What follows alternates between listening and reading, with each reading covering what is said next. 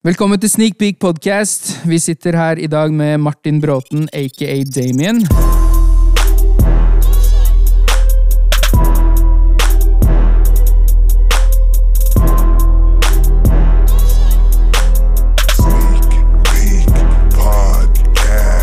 Hvordan går det, Martin? Det går veldig bra. Har du gjort noe moro i det siste? Ja, jobber alltid med noen eh, spennende prosjekter. Ja? Er det kun musikk, da, eller er det andre ting òg? Ja, jeg har litt forskjellig jern i ilden. Eh, Flere forskjellige musikkprosjekter og et helt hemmelig prosjekt som jeg skal offentliggjøre når det er klart. Oi. Så ikke her i dag, altså. Ja, kanskje. Vi får se. Vi får se om vi får fiska det ut av deg. Men eh, vi, kan jo, vi kan jo starte med å snakke litt om Martin. Eh, hvem er Martin? Eh, hvor ble du født, og eh, litt om familie og, og sånn? Yes, Uh, Martin ble født på Stensby sykehus i Eidsvoll. 4. april 1986. Uh, flytta veldig mye rundt. Uh, bodde litt på Eidsvoll da jeg var liten, bodde litt i Bergen. Vært en del i utlandet, bodd på Stovner, vestlig. Og så flytta vi til Hønefoss, som kanskje er det jeg anser som på en måte hjembyen min. da. Der du er fra? Ja, der jeg har bodd lengst. Hvor gammel var du da du flytta til Hønefoss? Oh, det husker jeg ikke. Men det, det er starten av barneskolen en gang. Ja. Ja. Ikke sant. Hva var årsaken til at dere flytta så mye rundt? da? Eh, Altså Fattige trygdeleiligheter, ikke sant, du veit. Uh, Mutter'n har alltid vært veldig sånn uh, finne, finne måter å løse ting på, da. Ja? Og uh, det har jo ikke vært noe sånn veldig mye penger hjemme noen gang. Og så grunna dårlig miljø på Stovner, da. Så, så, og vestlig så valgte hun å ta oss med til Hønefoss, hvor hun har familie. ja. Så, så da ble det Hønefoss. Mm. Eh, Jeg visste jo ikke før inntil nylig at du faktisk da bodde i Groruddalen, hvor vi er fra. eh, På Stovner og Vestli. Eh, Hva, hva slags minner har du fra den tida? Eller fra de åra du bodde der? Fryktelig tøft miljø. Ja. Jeg var veldig mye redd. Okay. noe som jeg, når jeg kom til Hønefoss, ikke skjønte helt hvorfor jeg var. Altså Som barn så har man litt sånne mm, rare frykter. Du kan være redd for en bikkje borti gata som bjeffer litt høyt når du går forbi. Eller en eller annen gubbe som har langt skjegg og lang frakk og bare ser litt skummel ut. Men Og nå trenger du bare å se i speilet. ja, ikke sant? Så er man bare Å, faen. Skvetter litt hver morgen. Nei da, men det, sånn, den, det var så mm, Det var ikke noe grunnlag for den frykten, egentlig, eh, i Hønefoss. Mens i Groruddalen så følte jeg det på en måte da, da var det så mange ting som var farlig. Og det var jo Jeg husker jo ikke om A- og B-gjengen på en måte var etablert, eller om det var liksom i forløpet til det her. Det er jo midten av 90-tallet.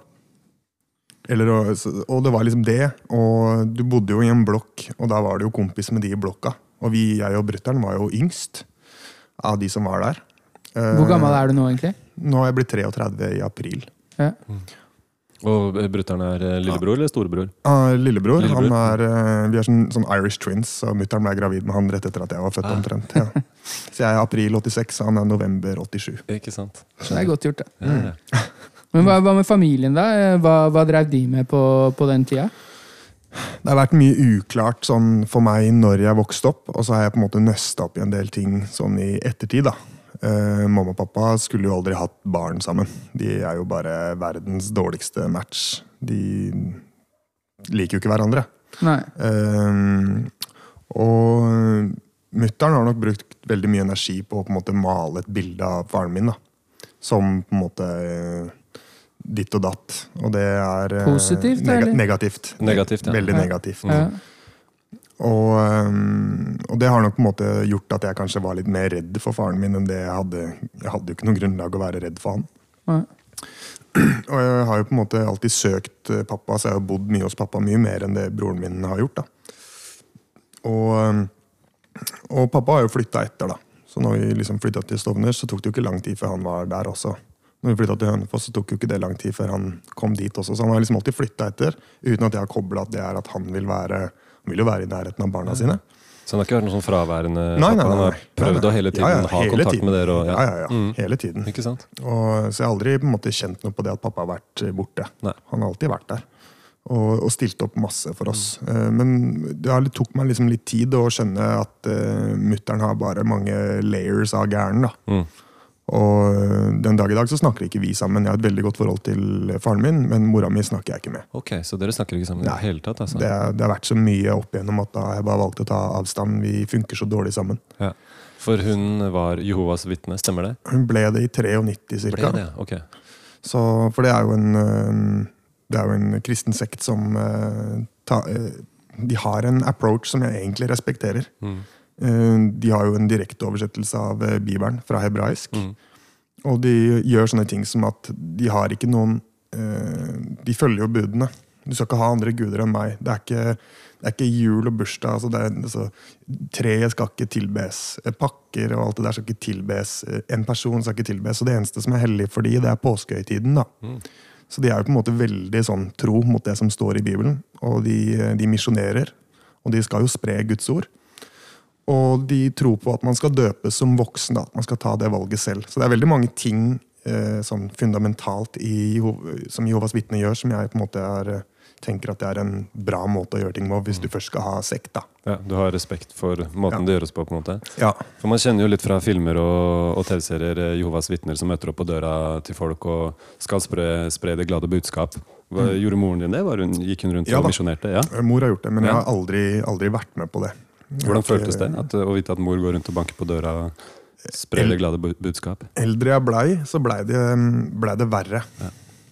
Um, hun har på en måte sagt Altså, det var hennes plikt, da. Å, ta, å gi meg og broren min sin religion. Det var hennes plikt. Pappa som et sånt kontrapunkt til alt det her, han begynte jo da å skulle fortelle ting om åsatrue. ikke sant? Pappa er jo ikke religiøs, Nei. Men det på en måte, dette er jo kulturarven deres, liksom. Så da, hvis, da, skal jeg, da kan jeg gi dere det, men det, der føltes det aldri tvunget. Det var bare gøy å høre på, liksom. Er det noe à la norrøn mytologi? Ja, det er jo det norrøn Mm, det er det mytologi det er. da. Ja. Eh, Så det ble jo på en måte en sånn For han sidestilte det, da. At dette her er ev- dere, Det blir ansett som eventyr. Det er det mora di tror på. Og, så han har ikke snakka mamma ned, men han syns jo det hun har gjort, har vært rart. Hun gjør jo ting på sin måte. Så, eh, men hun begynte å sette noen sånne krav da, til at vi skulle eh, ta liksom Vi skulle skoleres i det her, da. Han ville gi et slags eh, motpunkt? Nei, ja, ja. til mamma som på en måte brukte det her som at du skal på Nå skal du på en måte lese med Da leste jeg med mannen til hun som på en måte fikk mamma inn i det her. da.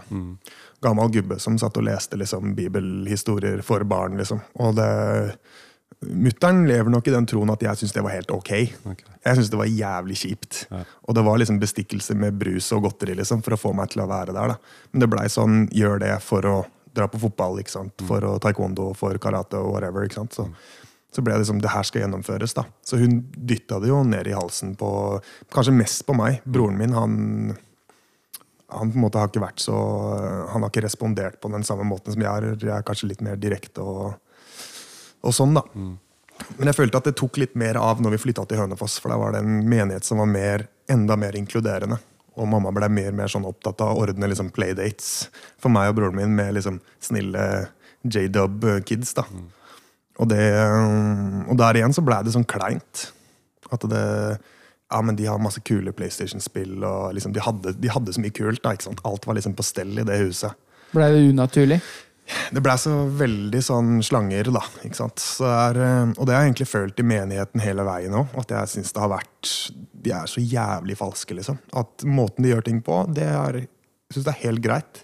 Jeg liker jo ikke det at de har med seg barn når de misjonerer. Det er et valg, sånn som dåpen, mener jeg. da.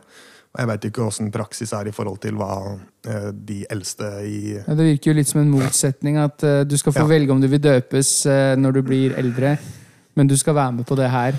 Da tenker jeg Hvis mamma og pappa på en måte gjør det her to ganger i uka, da, og ikke har barnevakt to ganger i uka, så kan jeg forstå det, men da skal du ikke presse barna til noen ting. liksom. Mm. Men for meg så blei det her bare helt feil. Og jeg begynte etter hvert liksom å Jeg tror på en måte hele min eh, persona blei utviklet som et motstykke til Er det noe som gjenspeiles i musikken din nå? ikke i musikken min noe særlig nå lenger, men hele artistnavnet og liksom hele den der halvsatanist-greia er jo basert på et motstykke til det. Ja, For du starta vel ganske med litt sånn horror-core-aktig Stemmer. i starten? Kan du ikke få høre litt eh, rett og slett om hvordan du kom inn i rap og Ja. begynte, begynte med musikken? Uh, rap har på en måte det fanga meg eh, allerede på liksom Stovner, og da, og da var det Loonies I Got Five On It som var liksom første gangen jeg bare da, Husker den godt. Både originalen og remixen var Ja. store. da Den følte jeg. Mm. Det, uten at det kanskje Jeg har sikkert hørt ting før det òg, men det har ikke satt seg. da Men Loonies eh, med den låta, og bare den låta, egentlig, den bare gjorde et sånt inntrykk. sånn der, Ok, det her var jævlig fett. Men jeg tenkte ikke at jeg hadde lyst til å begynne å rappe da. Og så seinere så er det jo um, Kjøpte jeg jo Tang 36 Chambers. Uh, kan ha vært 95, 96. Og, og da, liksom, da var det gjort. Da, for da begynte jeg å bompe masse Wu-Tang, og brutter'n har aldri likt hiphop. Liksom, han har hata det hele tiden. da. Så han liksom sladra til mutter'n jeg hørte på det, for det var mye banning, og ja, brutter'n har delt rom og sånn. ikke sant? Så, Og, og, så det likte ikke mutter'n, altså, at du Mm. hørte på rap? jo, mutter'n er reggae-dame, egentlig. ikke sant? Ah. Så for henne så er det ikke så fjernt. Nei, det er sant. Så eh, men det var liksom banninga og liksom de tingene de preacha, da, som Mm. ikke kanskje var så positivt i mutter'n sine øyne. Selv om hun er veldig sånn legalize weed-musikk, så tenker jeg at det er jo en så litt sånn hypocrite å sitte og si noen ting i det hele tatt, egentlig. Men jeg tenker litt sånn, eh, hvis vi holder oss litt til Martin i starten eh, Hva jobba egentlig foreldra dine med i oppveksten? Er det Pappa har eh, masse utdannelser, så han har jo jobba litt som Han jobba i fengselsvesenet, han, han er egentlig elektriker. Og så har han gjort masse forskjellig. Nå jobber han som sosionom. Ja. Så det med at dere flytta, det hadde ikke noe med økonomi sånn, eh, sånn Nei. sett å gjøre? Mutter'n har liksom vært bartender og drevet pizzeria og kafé. Og liksom, hun er nok veldig sånn Hun har lyst til å drive sitt eget, hun har lyst til å være sin egen sjef. Og mutter'n har aldri respondert bra på at noen snakker til henne i det hele tatt. Hun, okay. ja, hun eh, skikkelig sånn Egentlig veldig sånn punkrock-attitude, da. Litt som, litt som eldste sønn? Ja, men jeg på en måte igjen har klart å Jeg har jobba liksom helt siden jeg var 12-13 år. da Og har skjønt det at eh, hold deg på godsida til sjefen, liksom. Og hent paychecken din og, betal, og kjøp deg de tinga du har lyst til. liksom Ja. Skjønt at det er mye bedre det enn å skulle være vrang og eh, leve på sosialstønad, liksom. Det er Ja. ikke så kult. Hva, hva, hva jobber Martin med, da? Nå jobber jeg på en barnevernsinstitusjon en eh, time vekk fra mm, Oslo. Jeg jobber med ungdom der. Som er en veldig givende jobb. Jeg har vært der i seks, litt over seks år nå.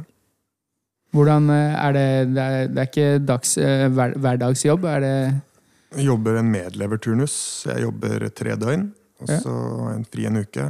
Jobber fire døgn, fri en uke. Og så er det liksom Sånn går det. Kan være det- tøft innimellom òg, kan jeg tenke meg. Hvis det er eh, Ja, det er Ja. veldig tøft. utagerende ungdom osv., eller? Ja, det er jo, ting er delt opp, da. Ja. Så det, nå jobber jeg på en omsorgsavdeling. Men så har du jo atferdsavdelinger som har an, annen problematikk. Men de på en måte, de er jo, mange av ungdommene er jo i grenseland, da. Mm. Ikke sant. Så det er jo eh, Selv om det kanskje er eh, mer av noe annet, da. Så det er jo på en måte en omsorgsavdeling, så er det mer det å på en måte lage faste, fine strukturer og gjøre det som et hjem. Hva er det som trakk deg mot eh, akkurat dette arbeidet? Er det noe du har tatt en utdannelse for, eller er det noe Nei. du tilfeldigvis havna i? Eller? Jeg er utdannet musikkdesigner, så jeg kan ikke Ja, ja. akkurat si Nei, det. nei, det. Um, men jeg har, um, jeg har jobba litt i, i skole og litt i, masse i barnehage og sånne ting. Mm. Og um, de gangene jeg ikke har jobba med mennesker, da, så har jeg skjønt at uh, da har jeg ikke vært, hatt det så bra. da. Det er det du vil? Jobbe Ja. med mennesker? Så tida når jeg jobba på lager og en papirfabrikk, og sånn, så har det egentlig vært ganske miserabel. Hva med, Um, hva med egne barn? Har du, har du det? Jeg har en datter på litt over to år. Mm. Hvordan er det å reise bort fra henne? For du jobber, når du jobber, så er du borte hele tida, eller? Da sover jeg på jobb. Mm. Ja. Så det er jo veldig tøft. Og egentlig så er det Det tok litt tid. Sånn i starten så var det helt kurant, på en måte. Hun, hun bare lå der og når jeg dro, og hun bare lå der når jeg kom tilbake. Mm. Men nå så liksom er det så mye utvikling, da. Så jeg merker at hun på en måte Shit, nå snakker du hele setninger. Det gjorde du ikke for fire dager siden. Det går veldig fort. Du merker vel mer at hun savner pappa når eh, Ja, pappa er borte? Gjensynsgleden Mm. er jo veldig stor. da så, når man, eh, så det er jo på en måte veldig magisk å hente i barnehagen når du har vært på en fire dagers, for eksempel, da. Ikke sant? Og, uh, Føler du at eh, du går glipp av mye når du jobber da, eller? Egentlig ikke, for da har jeg på en måte en uke hvor, uh, hvor jeg er hjemme. Og da har jeg masse energi og overskudd. Så når jeg på en måte henter henne, så er, jeg, er det ikke noe sånn at jeg syns det er slitsomt å høre på å, se, pappa bil. Å, se, pappa bil. Og så skal du si alltid når du går liksom opp uh, på Ja. Grünerløkka, liksom, og det er biler overalt. Så, så på en måte har jeg på en måte overskudd til å være med på det der og bygge Duplo-tårn til taket og se den samme Peppa Gris-episoden fire ganger og sånn. ikke sant? Det, det, det overskuddet har jeg da når jeg har en uke fri. da. Ja. Så sånn sett så er det veldig positivt, og kan jo hente tidlig hvis jeg føler for det. Og Ikke sant? Dødsbra. Eh, moren til datteren din, er dere, dere er ikke gift? Dere er eh, samboere? Vi er samboere. Dere er samboere. Hvordan traff du henne? jeg traff henne på en eh, konsert eh, på John D Ja. i 2015. Oktober 2015. Da spilte jeg med et metal-band som, eh, som het Shot at Dawn. Det er ikke nå lenger. Og hun rota seg inn der. Hun hører jo ikke på sånn musikk i det hele tatt, men hun var veldig full. Så vi møttes der første gang. Eh, vi bare prata da. Og så adda jeg henne på Instagram, og så skrev jeg litt, etter, litt seinere at uh, Bahala, liksom. Og så fikk vi egentlig bare veldig bra kontakt. og vi snappa en del og ringte, og sånn, og så møttes vi, og så var det bare Ja. Nyttårsaften cirka, så ble hun gravid. Oi, ja, Så det gikk såpass fort, ja. og da hadde vi ikke hatt så mye kontakt fra vi møttes i oktober. Det, kanskje det er liksom november. Vi var sammen en måneds tid da, før Ja. hun ble gravid. Så det gikk veldig fort. ja, ja. Så da måtte vi være bråkjærester i, i ni måneder før det kom barn og vi plutselig var tre. Men vi holder sammen og har det veldig bra. Dere har det bra nå. Det er det Mm. viktigste. Ja.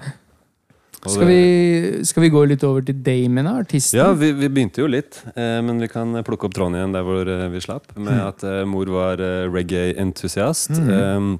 Blei du da eksponert for en del reggae-musikk i heimen i oppveksten? Ja, ja, masse, masse. Ikke sant? Var, det- spilte mor CD-er eller vinyl, eller var det CD-er. Ja, Masse CD-er. Ja. Pappa, hva hørte han på? Pappa han har vært bluesgitarist så lenge jeg kan huske. Det har alltid liksom vært gitar hjemme hos pappa, og han spiller liksom hele tiden. Spiller han i band, eller? Nå spiller han i band, og han har spilt uh, i masse band. Så, eh, og alt liksom fra punk til uh, danseband og liksom alt, da. Uh, ufattelig dyktig gitarist. Så han er litt sånn, jeg har ikke lyst til å, jeg spiller jo også gitar, men jeg har jo lyst til å slutte hver gang han spiller. han er, eh, Så han er på nivå, liksom? Han er der oppe? ja, han er veldig, veldig dyktig. Og, Men det er en, eh, en ting jeg lurer litt på. Eh, du, jeg har jo hørt mye på musikken din. Eh, og hvordan du på en måte har Hvordan kom du i gang med det hele? Fordi Begynte du med beats, eller begynte du å rappe? For du er jo både produsent, rapper, du har, som du sa i stad, vært eh, spilt med Shot at Dawn. mm. Eh, hvordan hvordan liksom var første steget inn i musikken? Eh, Første steget altså Igjen, jeg tror det er J-Dub eh, Connections som har gjort det. Um, det var en av de der eh, playdatesene vi var på. Vi var med to gutter som Han ene var like gammel som broren min, og så var det en annen som var et par år eldre enn meg. Og han hang jeg med, da. Han hadde fått tak i EJ. Så vi satt og kødda med det, og så han bare viste meg liksom hvordan det funka, og han bare lo seg i hjel av lættis. Men jeg syntes det var veldig interessant, da. Så jeg satt og knota litt mye. Han bare ja, men kom, vi stikker da'. Så jeg bare ja, vent litt, da. Det her var veldig gøy. Og så gikk det ikke så veldig lang tid før jeg eh, eh, fikk av en annen kompis da, som gikk i klassen min. Eh, Fruity Loops 2, tror jeg. Hvilket nummer er oppi nå? da? Eh, 20. Ok.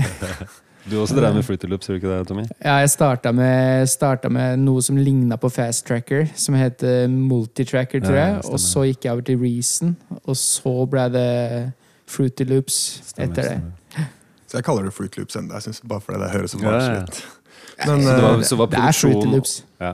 Så produksjon og musikk og liksom skru litt på knapper og sånn som først uh... Ja, det tok, for han hørte jo på mye hiphop. Han hørte jo på Tupac, og jeg har jo på en måte aldri hatt noe sånn Men det var hiphop, på en måte. da mm. Uh, Det var jo på en måte østkyst som fanga meg først, med Mm. Wu-Tang og, og veldig sånn stykkete samples. da Så eh, da var det jo på en måte å begynne å rippe CD-ene til mutter'n. da. Eh, Queen og Vivaldi og masse reggae-plater. Det var bare helt random, egentlig. Det jeg hadde, For det var jo ikke noe, vi hadde jo ikke noe internett. Og så var det å begynne å kutte opp det sånn som han kompisen eh, i klassen min hadde lært meg. Det er Jonas McDonald som skrev 'Grab the Moment', den Grand Prix-låta. by the way. Oi. Det er han jeg Det er Hvilket år er vi nå, egentlig? Eh, eh, 1998 og da var du hvor gammel? 12. Ja. Jeg Født Født i begynte- 86, hoderegning, Tommy. Ja, men det, det sitter, Du må, må ikke be meg om matte. Men det som er, er at eh, det var vel året etter jeg begynte å skrive graph, liksom. Graph, eh, altså, jeg, altså, jeg tenker ikke på i 98, men jeg var 11, og du var Ja, 12 sånn, med mm. musikken. Så du var mye tidligere ute enn oss da, med musikk. Mm. Ikke deg. Mm. Du begynte jo, I forrige episode så fortalte du at du begynte da du var 12 år. Ja, jeg var vel det. Tolv år. Mm. Men eh, sånn gangen derfra, da. Eh, EJ først, og så Fruity Loops 2.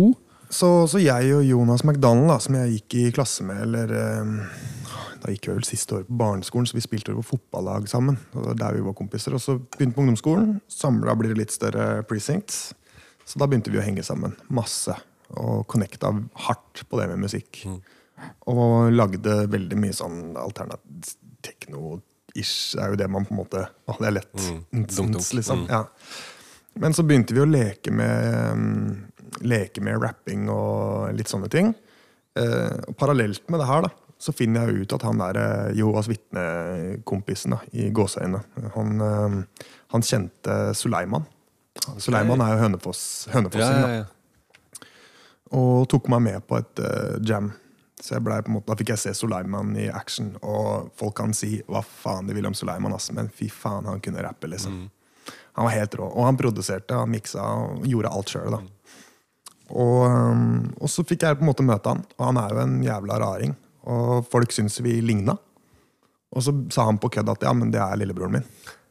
Så hele Hønefoss trodde jo at vi var brødre en stund. Og jeg tror vi lurte folk i sånn sju år. Bare men er ikke du broren til Suleiman? Men, eh, så da hang vi jo veldig mye sammen, på grunn av det at han var liksom Men gjorde det noe med ditt syn på Lillehammer-gutta som dissa Suleima? Mm. Altså sånn, eh, Hvis du, du hang med han og ble ansett som en lillebror Jeg har jo på en måte ikke um, På det tidspunktet så var jo det på en måte Hønefoss sto veldig sterkt, da. For det var jo um, Du hadde Suleiman, og så han hooka han og han um, Han hadde en gruppe som het Mora di. Okay. Og dette er før Mora di-scenen dukka ja. opp. Så. Mm. Represent. um, med um, en, en som heter Rejeb Andreas. Mm, som er fra Jevnaker, bare ti minutter vekk. Og de gutta her, da, de produserer og produserer. Og Soleiman var jo helten på det tidspunktet. Og jeg fikk jo se hvordan han produserte. Og så begynte jeg å vise han ting som jeg hadde laga. Jeg prøvde jo å simulere det han gjorde. Og han choppa på en helt fucka måte, liksom. Det, han choppa opp og så inn i pianorollen. og så Det, bare, han, det var helt, det ligna ikke på noe annet. da. Og det er på en måte det jeg prøvde å simulere. Det pluss det jeg hørte. Det farga meg litt. Og så var det å vise Suleiman det jeg hadde laga. Han bare fy faen, det er bare dritt, liksom. Fikk, Han sa det? Ja, jeg fikk han aldri noe brutalt ærlig i ja, jeg fikk, ikke noe, fikk ikke noe hjelp av Suleiman for jeg hadde holdt på i lenge, lenge. Og fikk til mye mer, da. Når du først begynte å vise han greiene dine, hvilket år er vi da? Er vi også i 98? Eller er Tidlig 2000-tallet. Tidlig 2000, ja. Mm. Jeg husker jeg kjøpte OD-skiva til eh, Rejeb. Operasjon Dagsverk-skiva som han slapp i 2001. Mm. Og det var bare sånn ah, Fett, da hadde jeg Suleiman-låt på track. liksom. Og, ja, Det var dritkult. Ja. Ja, for vi, vi kom jo, eller vi fikk jo ikke med oss Suleiman før eh, Egentlig, jeg, i hvert fall jeg, ikke før Onkel P dissa han. Nei, Det var også da jeg ble introdusert for han. Mm. Ja. Så han hadde holdt på i flere år allerede ja, da. ja, ja, ja. Når, når tror du han starta, da? Sånn, eh, hvis du, for du så litt opp til han, da. Jeg tenker at han starta kanskje midten av 90-tallet. ja. For han var, han var flink allerede da, liksom. Men hvis du var lillebror, hvor gammel, hvor gammel er han nå, eh, i forhold til deg? da? Sånn par år eh, eldre, bare? eller? 82-modell eller noe sånt, tror jeg. Ok. Ja. Samme som meg. Mm. Mm. Så, men han, øh, men etter hvert så tok han på en måte meg mer sånn Ikke under vingen heller, men øh, det blei hele tiden en sånn kamp for å altså jeg, Det jeg ville, var å imponere han. Jeg ville jo lage låt med Soleiman, og så var han på en måte bestekompisen min en stund også. Og alt jeg ville, var at han skulle recognize meg for det jeg gjorde, da. Men Han gjorde ikke det selv om han var bestekompisen din en stund? Vet du, hva, vi altså? har, vi har laga én låt sammen, Ja. og der lata vi som vi var en karakter fra Hønefoss som het Darko. Jeg husker ikke hva mer han heter. Men han, eh, han var skikkelig verdensmester i alt. Han kjente Shaw, og Shaw var like this. og Plutselig så så den med gitarbag og Metallica-trøya, og så bare neste dag så var det bare hey, fuck metal, legger vi på Wu-Tang. Han var all over the place. Helt crazy type, da. Den låta finnes, eller?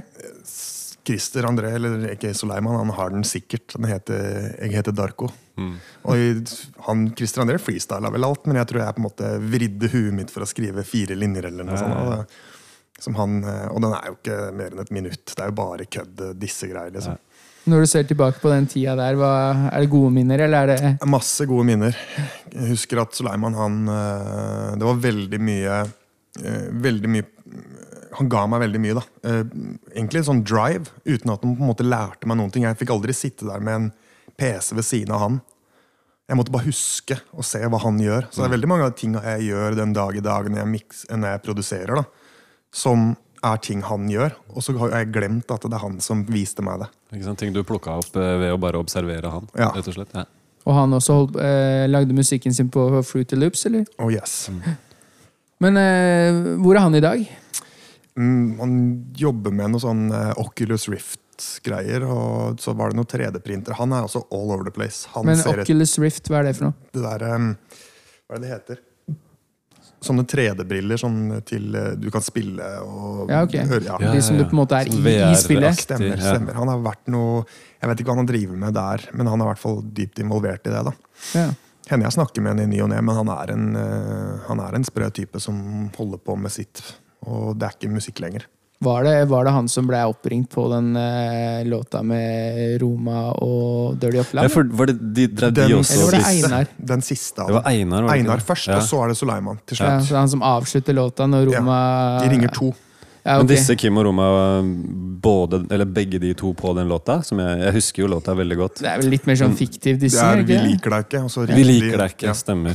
Og det som skjer samtidig med dette her, da, som jeg har på en måte De gutta her som jeg ser veldig opp til, som er Hønefoss-folk da, Mm. og omegn, så jobber jeg som budgutt på en fotobutikk. Dette var jo på tiden hvor det var dritdyrt å fremkalle bilder. Mm. Så var det tre butikker. Så måtte man oppom de to andre og hente filmer. Løpe ned til den andre, for det var timesfremkalling. Ja, ja. Og fremkalle bilder og løpe tilbake. Og i en av de butikkene som det ikke var fotomaskin, så jobba det en fyr som, het, eh, som het, de heter Bjørn Ivar. Eh, Bjørn Ivar jobber vel der fortsatt, så vidt jeg veit. Han eh, kalte seg Skinny Bee. Og han var kompis med Kimon og Roma. Skinny Bee, det høres veldig kjent ut. Ja, han lagde beats. Med ikke Skinny sant? Bee, ja da vinner vi. Altså Kimon Ja, ja, ja. name-dropper han, og de Ja, hengte masse sammen. Eh, Veldig sånn syntbaserte beats. Veldig kule greier. Mm. Um, og uh, når jeg på en måte følte at jeg ville ta steget da, og begynne å lage første EP-en min, da hadde jeg liksom nok ideer. Uh, tidspunkt hvor jeg hørte Necro Cage, det var det jeg hørte på omtrent. Og Nonfiction. Så hadde jeg funnet masse samples som var liksom fra helt sprø ting. Alle ville jo ha funnet de der kule soul samples og lage de der premiere classicsa. da.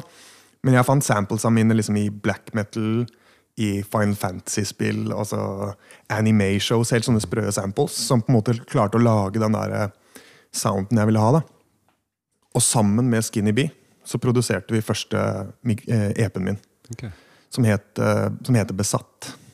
Vil du si at du er som produsent eh, ganske inspirert av Necro? Da? For han gjorde jo Veldig. veldig mye for non-fiction, seg selv selvfølgelig, og alle gutta rundt Ja, ja, ja. den klikken der, egentlig. Necro var Av på en måte alle som har vært Alle som har vært en inspirasjonskilde opp igjennom, så er det Necro som har vært mest og i lengst tid på det at han på en måte han høsla så hardt. Mm. Han grinda så hardt. Og han slipper jo ting like steady fortsatt. ikke Ja. sant? Men syns du de nye greiene Han er vel ikke på den samme Ja, dette er Necro for mange år Ja, siden. Ja, altså. dette er helt av. Den siste plata jeg digga han, det var Prefix for Death. Ja, den var, var- ikke det en dobbeltskive hvor han hadde en, en rap og en rock? eh, Nei, det, Skive, jo, jo, jo, stemmer. Ja. stemmer der, men det er ikke, det er ikke to fullengdere. Nei.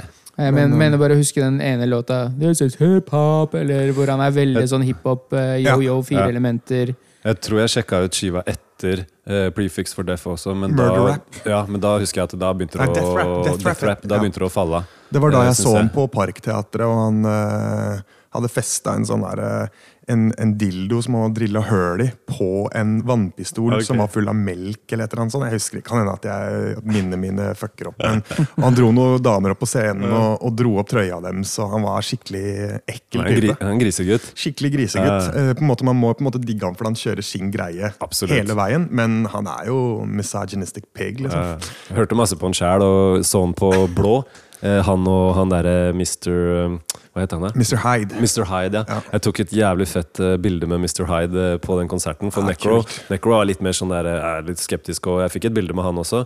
Men eh, Mr. Hyde han fikk jeg til å ta en eh, kjøkkenkniv og holde den opp mot halsen min og late som at han liksom skulle slippe throaten min. da Jeg tror eh, Rejeb fra Hønefoss. Han gjorde et intervju med Necro før den konserten. Når Necro satt på dass og dreit. Ja, ja, ja, Og ja, Det er jo legendarisk eh, intervju. Det Og, og husker jeg. Necro var bare skikkelig kjip liksom, Ja. hele veien. Skikkelig drittsekk. Men han var kul, Mr. Hyde. Han var veldig Ja, sånn, han kul, var han. sosial og hyggelig. Ja, og- han, var veldig, han er jo hypeman til Ja. Necro fortsatt, liksom. Og gjør sine egne greier. Han gjør sine egne greier òg. Men hva var eh, For å hoppe litt tilbake til deg, Damon. Eh, Sklir jeg helt bare- ut her. Ja, dere Jeg har ikke hørt så mye på Necro. Men, eh, men eh, sånn som Skinny B, da. Mm. Var han også et Så du litt opp til han også, eller var det mer sånn likestilt? Det som var med Skinny B, da, som gjorde Som ikke nødvendigvis satt Soleiman i et dårlig lys, men som gjorde at jeg kanskje trakk mer mot han, er at han, han leverte så jævlig, da. Han ferdigstilte liksom en beat som jeg hadde kanskje gitt han et forslag på, og det var bare sånn blew my mind, da. Så den første EP-en høres jo så mye bedre ut enn det første albumet og andre albumet som jeg har produsert helt selv. Ja. Da kvaliteten var så mye, mye høyere på det. Det var en grunn til at Kim, eh, Kim One brukte han mye.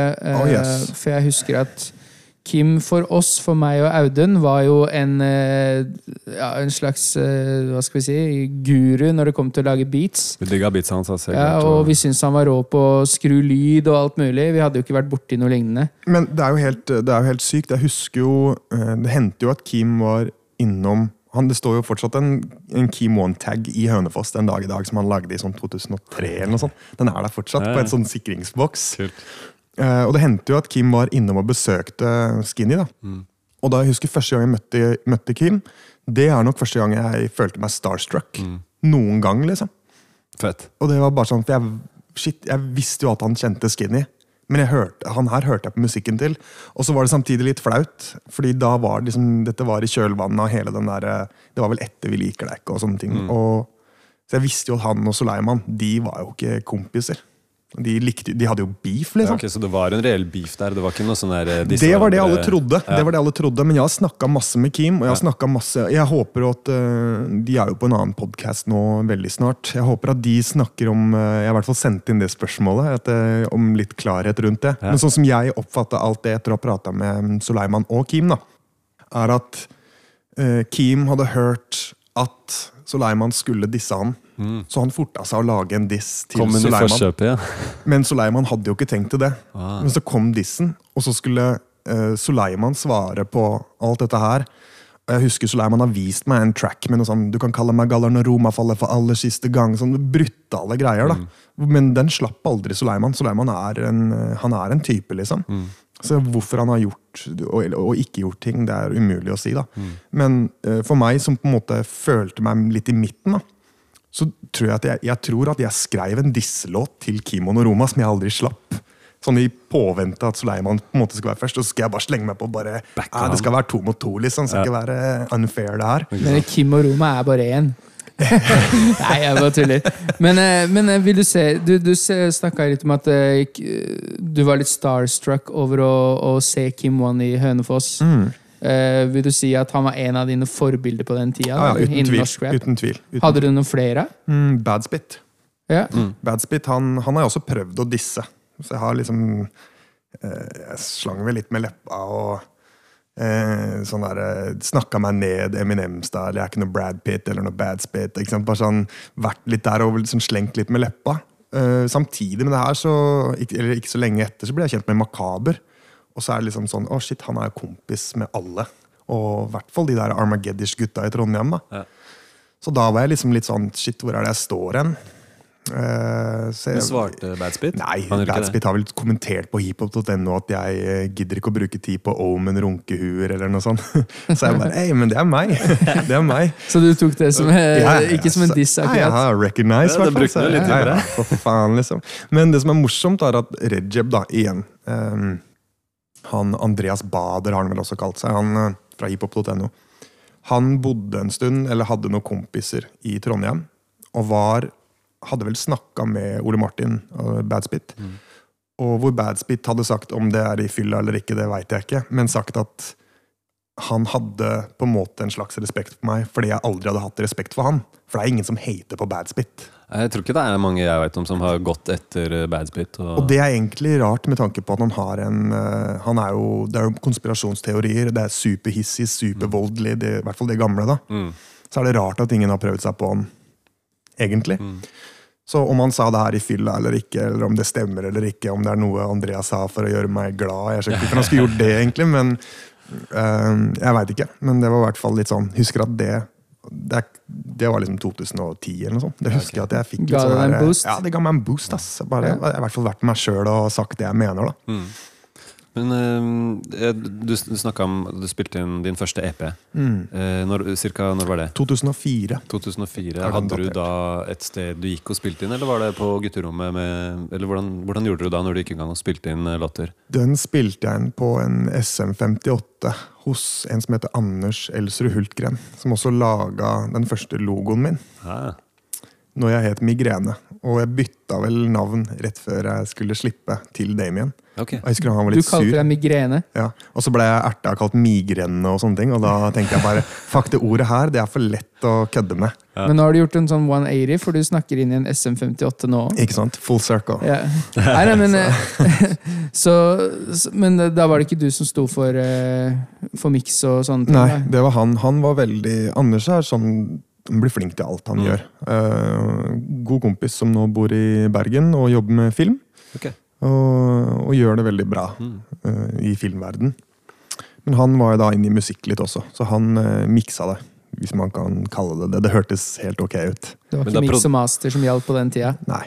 Det Men Gjorde du både beats og alt sjøl? Da, da hadde jeg gjort beats sammen med Skinny. Mm, skjønner. Så jeg tror jeg hadde begynt på noen ideer, og så har han ferdigstilt noen ting. Så har jeg gitt han et sample, og han har uh, laga det. Det var rett og slett fordi jeg ikke stolte nok på meg selv. Jeg fant jo samplet og choppa det sånn som jeg ville ha det, og sånne ting, men det er Skinny som skal ha Jeg krediterer han som produsent på det albumet, liksom. Ja.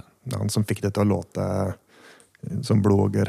Ja, Var du klar over da forskjellen på en beatmaker og en eh, produsent på den tida? Jeg brukte jo aldri produsenttittelen i det hele tatt. Det, det var bare sånn ja, Ja, For det er, det er jo en sånn greie innen hiphop at uh, hvis, hvis det står pro 'produced by', mm, da har han lagd beaten. Det er i hvert fall sånn vi tenkte på uh, 'produced by Mm. Premiere'. At da lagde han bare en beat, og så kom en eller annen rapper og rappa over den Mm. beaten. Men uh, jeg har jo skjønt nå i senere tid at en produsent og en beatmaker er jo ikke det samme. Nei, det, det kan være En produsent er med å lage eh, hele, Mm. under hele prosessen. Da. Og vil du si at du er en produsent? Jeg vil si at jeg er en produsent og en beatmaker, da. Mm.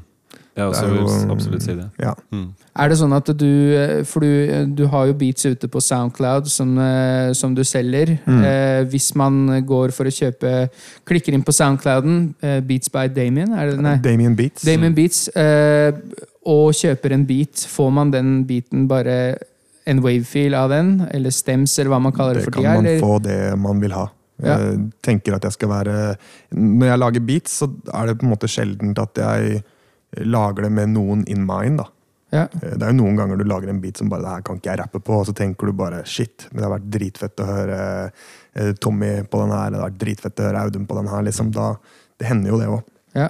Men stort sett så lager jeg bare beats som får en idé. Mm. Eller et sample, eller whatever, eller en syntlyd. Og så lager jeg det, og øh, så tenker jeg at nei, jeg er ikke så gira på det, men jeg gjør det ferdig. Da bare, ok, slenger det ut på pagen, eller ja, det jeg husker å slenge ut. Og det, det, til dere det som hører eh, på, eh, hvis dere trenger beats, så ta kontakt med Damien. Altså, han er en eh, utrolig flink og veldig allsidig beatmaker og produsent. Og Anbefales, seriøs. ja, anbefales på det sterkeste. 500 spenn. Yes. Men eh, tilbake til den EP-en, da. Mm. Som eh, du og Skinny Bee eh, produ eller produserte sammen, men han ble kreditert for. Mm. Hvordan gikk eh, responsen og sånn på den? Fikk du, solgt rundt på CD, eller hvordan fikk du liksom den ut til massene? Den ble vel sånn MP3-fenomen. Eh, Den ble senere trykt opp. eh, Når jeg lagde første plata mi. Første albumet. Ok, Hva med trykt opp, hva mener du da? Nei, da var det Det, det er på en måte jeg, jeg kan komme til det. Altså, dette her blei jo på en måte sånn der eh, Dyppe tåa si ned i et sånt blod- og gørrhav, ikke sant. Eh, låtene heter jo liksom Dypfryst og Hore og Rotten. Det er bare sånn Det er jo necro på norsk. Jeg skulle til å spørre hva var tekstinnholdet og liksom topics? det var bare blod og Ja, det var gørr. Ja, liksom. Ja, ja, bare dritt. Men er det bare kun migrene og Damien du har kalt deg, eller har det vært noen flere Flere Ja, ja, eller AKs? Jeg prøvde å tenke på det, eh, og jeg tror ikke jeg har hatt noen, noen sånn seriøse. Når jeg begynte å skrive, så var jeg migrene. Eh, Jeg har gjort en del låter sammen med han Jonas McDonald, som kalte seg da Paddy McD. Han heter jo McDonald, og Paddy er jo en ire. Han er halvt irsk. Mm. Så det var liksom migrene og Paddy McD, liksom. Som vi gjorde noe sånn corny ass bullshit. Jeg håper ikke at det fins. Jeg håper det Spilte dere live? Nei. Nei. Bare gutteromsrap. Da spilte vi inn på en sånn bitte liten sånn USB-mikrofon. Sånn der, eh, du, sånn, ikke, det er ikke noe popfilter, det er ikke noe stor membran i det hele tatt. Bare sånn liten dritt. da. Ja, så det poppa litt på P1 og sånn helt jævlig. Helt jævlig. Men uh, så var det mm, Bytta jo da til Damien når jeg ga ut Besatt. Så den har vel et albumcover hjemme hvor det står Migrene besatt. Og så blei det bytta, så da er det jo da er det jo eh, Damien etter det. Og så Hvor lang tid går det da fra den EP-en til du gir ut ditt første album? 2006 7, 2000, Mellom ja, årsskiftet der en gang. To-tre år. Ja. Ja. Der kommer, eh, der kommer eh, 15 spor eh, med en skive som het Demonologi. Læren om demoner, som var på en måte besettelsen av liksom første. Nå gikk vi in depth, og der var det liksom Ave Satani, og det var helt Der gikk vi Ja, var hardt. du, du var eh, glad i det okkulte? Og da var det bare embrace i hele det satanistsønnen av Satan-greiene, liksom. Ja, for det Kommer det litt eh, av eh, bakgrunnen med, med moren dins tro og alt det her også? Selvfølgelig også litt fascinasjon for necro og den greia der, kan jeg tenke meg. Men det er litt sånn i opposisjon til det du har vokst opp, vokst opp med, eller? Ja. Ja. For sånn som Necro så har jeg også vært veldig glad i sånne gamle skrekkfilmer. Mm. Eh, Nye skrekkfilmer klarer jeg ikke, da, for da sover jeg dårlig. Oh, det er så. Ja, Så det, Det, det, er helt vanlig, liksom. Eh, Men favoritten min er eh, Omen fra 76. Eh, altså min favorittskrekkfilm. Jeg vil ikke si at det er min favorittfilm. Nei, nei, men, ja. men Så du har den foran Eksorsisten og ja, ja, ja, ja. Mm. Men, og, den, og der var det et eller annet med den der, hele historien rundt den der Damien-gutten. Mm. ikke sant? Og bare se at eh, han klikker av i nærheten av en kirke, og dyr rundt den bare blir helt sånn ustabile, og folk dreper seg, og det skjer masse sjukt rundt ham. da. Jeg syns det var ganske kult, da. Ja. Med tanke på at jeg hadde den Det blei så ulovlig. Sammenligna med på en måte hva jeg kom fra. Mm. Så var det her liksom det Her måtte jeg nesten se meg over skulderen. liksom, Se mamma, det her. Og her, jeg var jo liksom ungdom. Mm. Uh, Men da var det liksom en sånn Jeg tror at eh, jeg valgte nok det fordi det hadde en sånn Det var noe negativt. Ja. Og det blei på en måte en, en persona basert på det. Sånn litt seinere så tror jeg at jeg, jeg vurderte jo å bytte til noe annet når jeg eh, senere gikk over til engelsk. Men jeg bestemte meg for å beholde det når jeg søkte opp liksom sånn, hva er det det betyr. Mm. Og det har jo ikke noe det har jo ikke noe okkult betydning. Den eneste negative betydningen er jo gjennom den her Omen-filmen. Mm. Som gjorde at jeg bare beholdt det. Så tenker jeg at folk tar den referansen som Omen. Noen veit ikke hva det er i det hele tatt, og bare ok, what's this? Men de som tar den negative referansen, de kan bli positivt overraska. Det var liksom tanken min. At jeg beholder det. Mm. Jeg har på en måte De som kjenner meg, de kjenner meg enten som Martin eller som Damien. Så Hadde du da hørt Da du tok det navnet, hadde du hørt en DMX-låta da? ja. Ja, det Men det var ikke derfor jeg Nei, nei. Det var ikke sånn, nei. Nei. Eh, Men eh, er det, heter han Damien Thorne, eller er han i den filmen? Ja, Ja, det, jeg har ikke sett den, jeg. Eh, Så det er, jeg, eh, jeg, sk- jeg blir skremt av de gamle òg, jeg. Så Ja. Jeg husker jeg var, lå hjemme stemning, altså. Ja, det er det. Ordentlig kul. I hvert fall den første. Og jeg lurer på om jeg syns toeren var ganske ja, kul. For ungdom. Ja. Ja, for jeg, jeg var hjemme sjuk fra skolen eh, en dag og hadde kjøpt meg trilogi, eh, trilogien på DVD, oh. så jeg så alle tre på én dag. treeren var ikke noe å snakke om, eller? Nei, den var ikke Det er så synd, for det er Sam Neill Ja, som Sam spiller Neill, Damien som voksen. Det. Men og det er eh, utrolig dårlig. Ja, det er det, altså. Så, men eh, ja, i hvert fall den første Omen fra 76, da. Mm. Det er eh, som de remaka i 2006. Ja.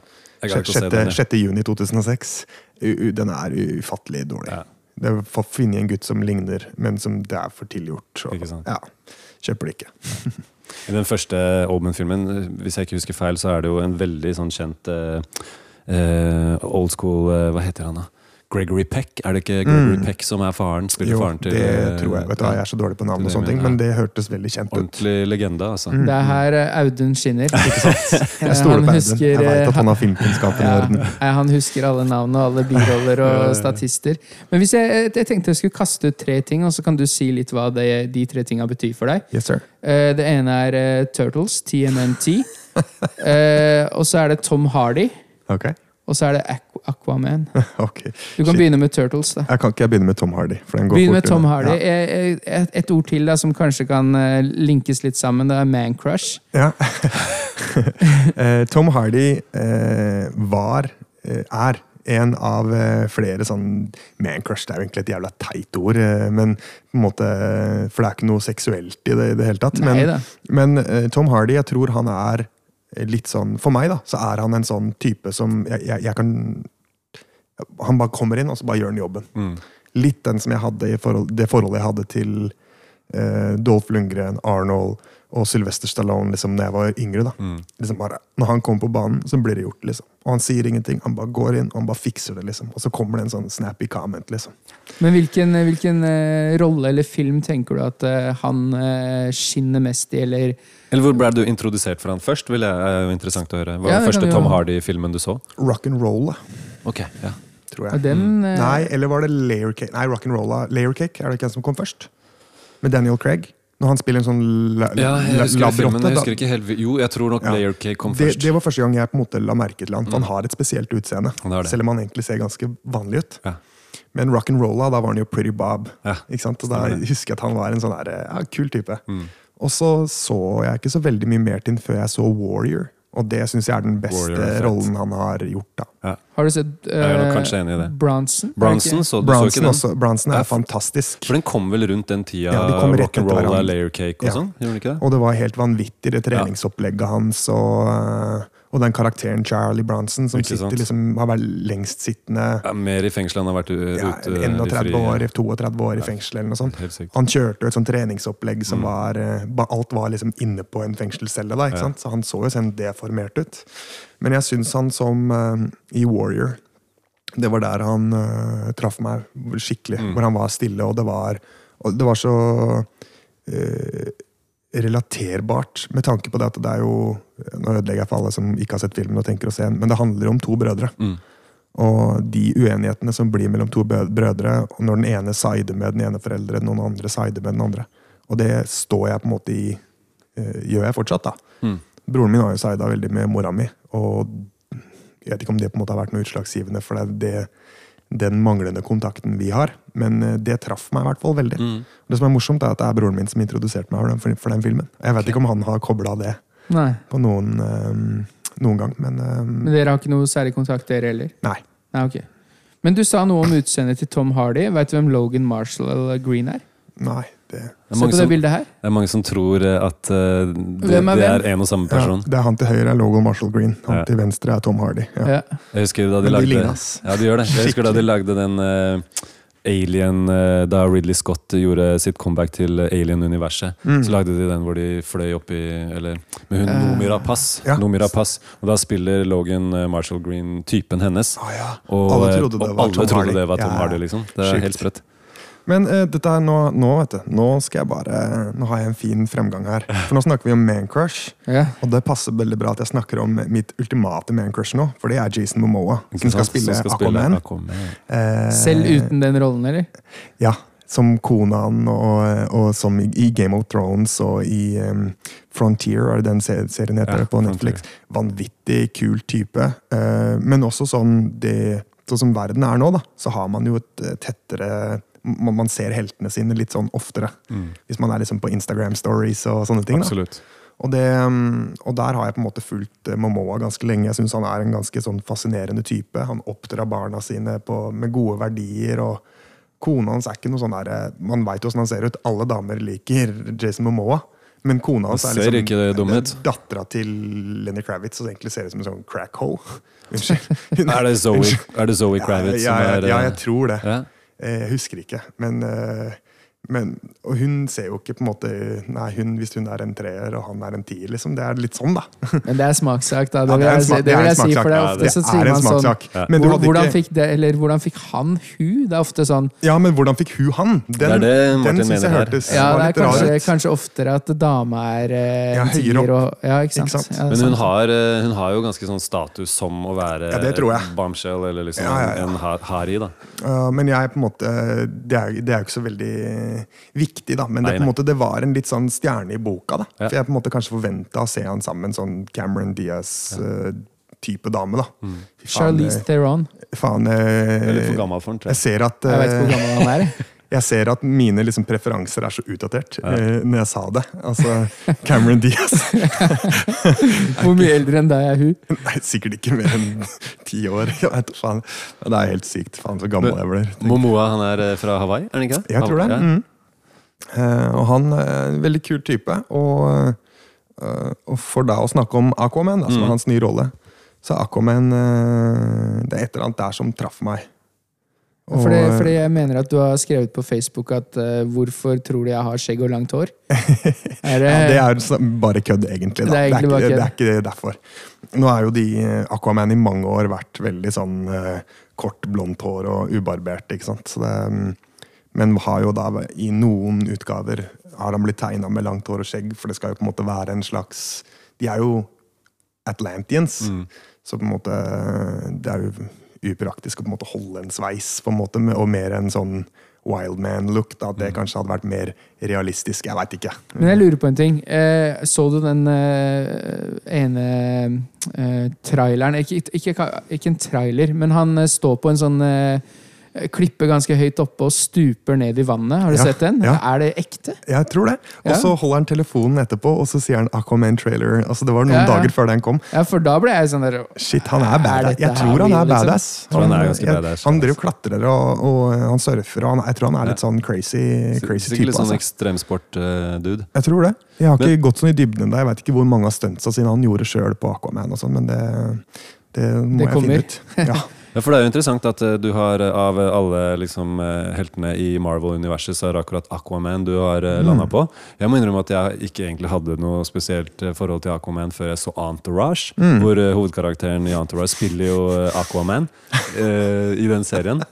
ja. Men eh, hvordan, hvordan landa du på han, på en måte? Du vet hva, jeg har jo eh, som eh, alle andre på Alle andre, det høres veldig sånn Sånn, alle er sånn. Men jeg har alltid vært veldig glad i tegneserier. da. Jeg syns det er veldig spennende. Og det har jo hatt noen Digga jo Batman.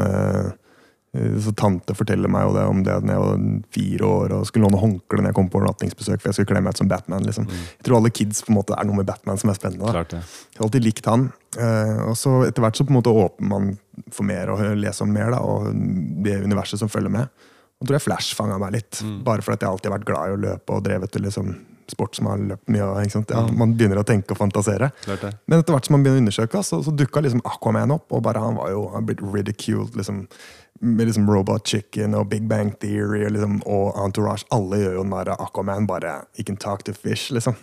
Men så begynner man liksom å lese bare faen, så klovnen liksom han må jeg lese om. Så bare å, fy faen, så jævlig rå. Han er jo eneste som er sterkere enn han er jo Supermann i Justice League. Og shit, og havet vet vi jo ingenting om, liksom. Det, det var så spennende. Det, det var noe annet. Det er så mye ting der som gjorde at Aquaman for meg blei så mye mer enn bare en superhero-comic. Det blei litt sånn fantasy, da. Noe som jeg liksom alltid har hatt sansen for.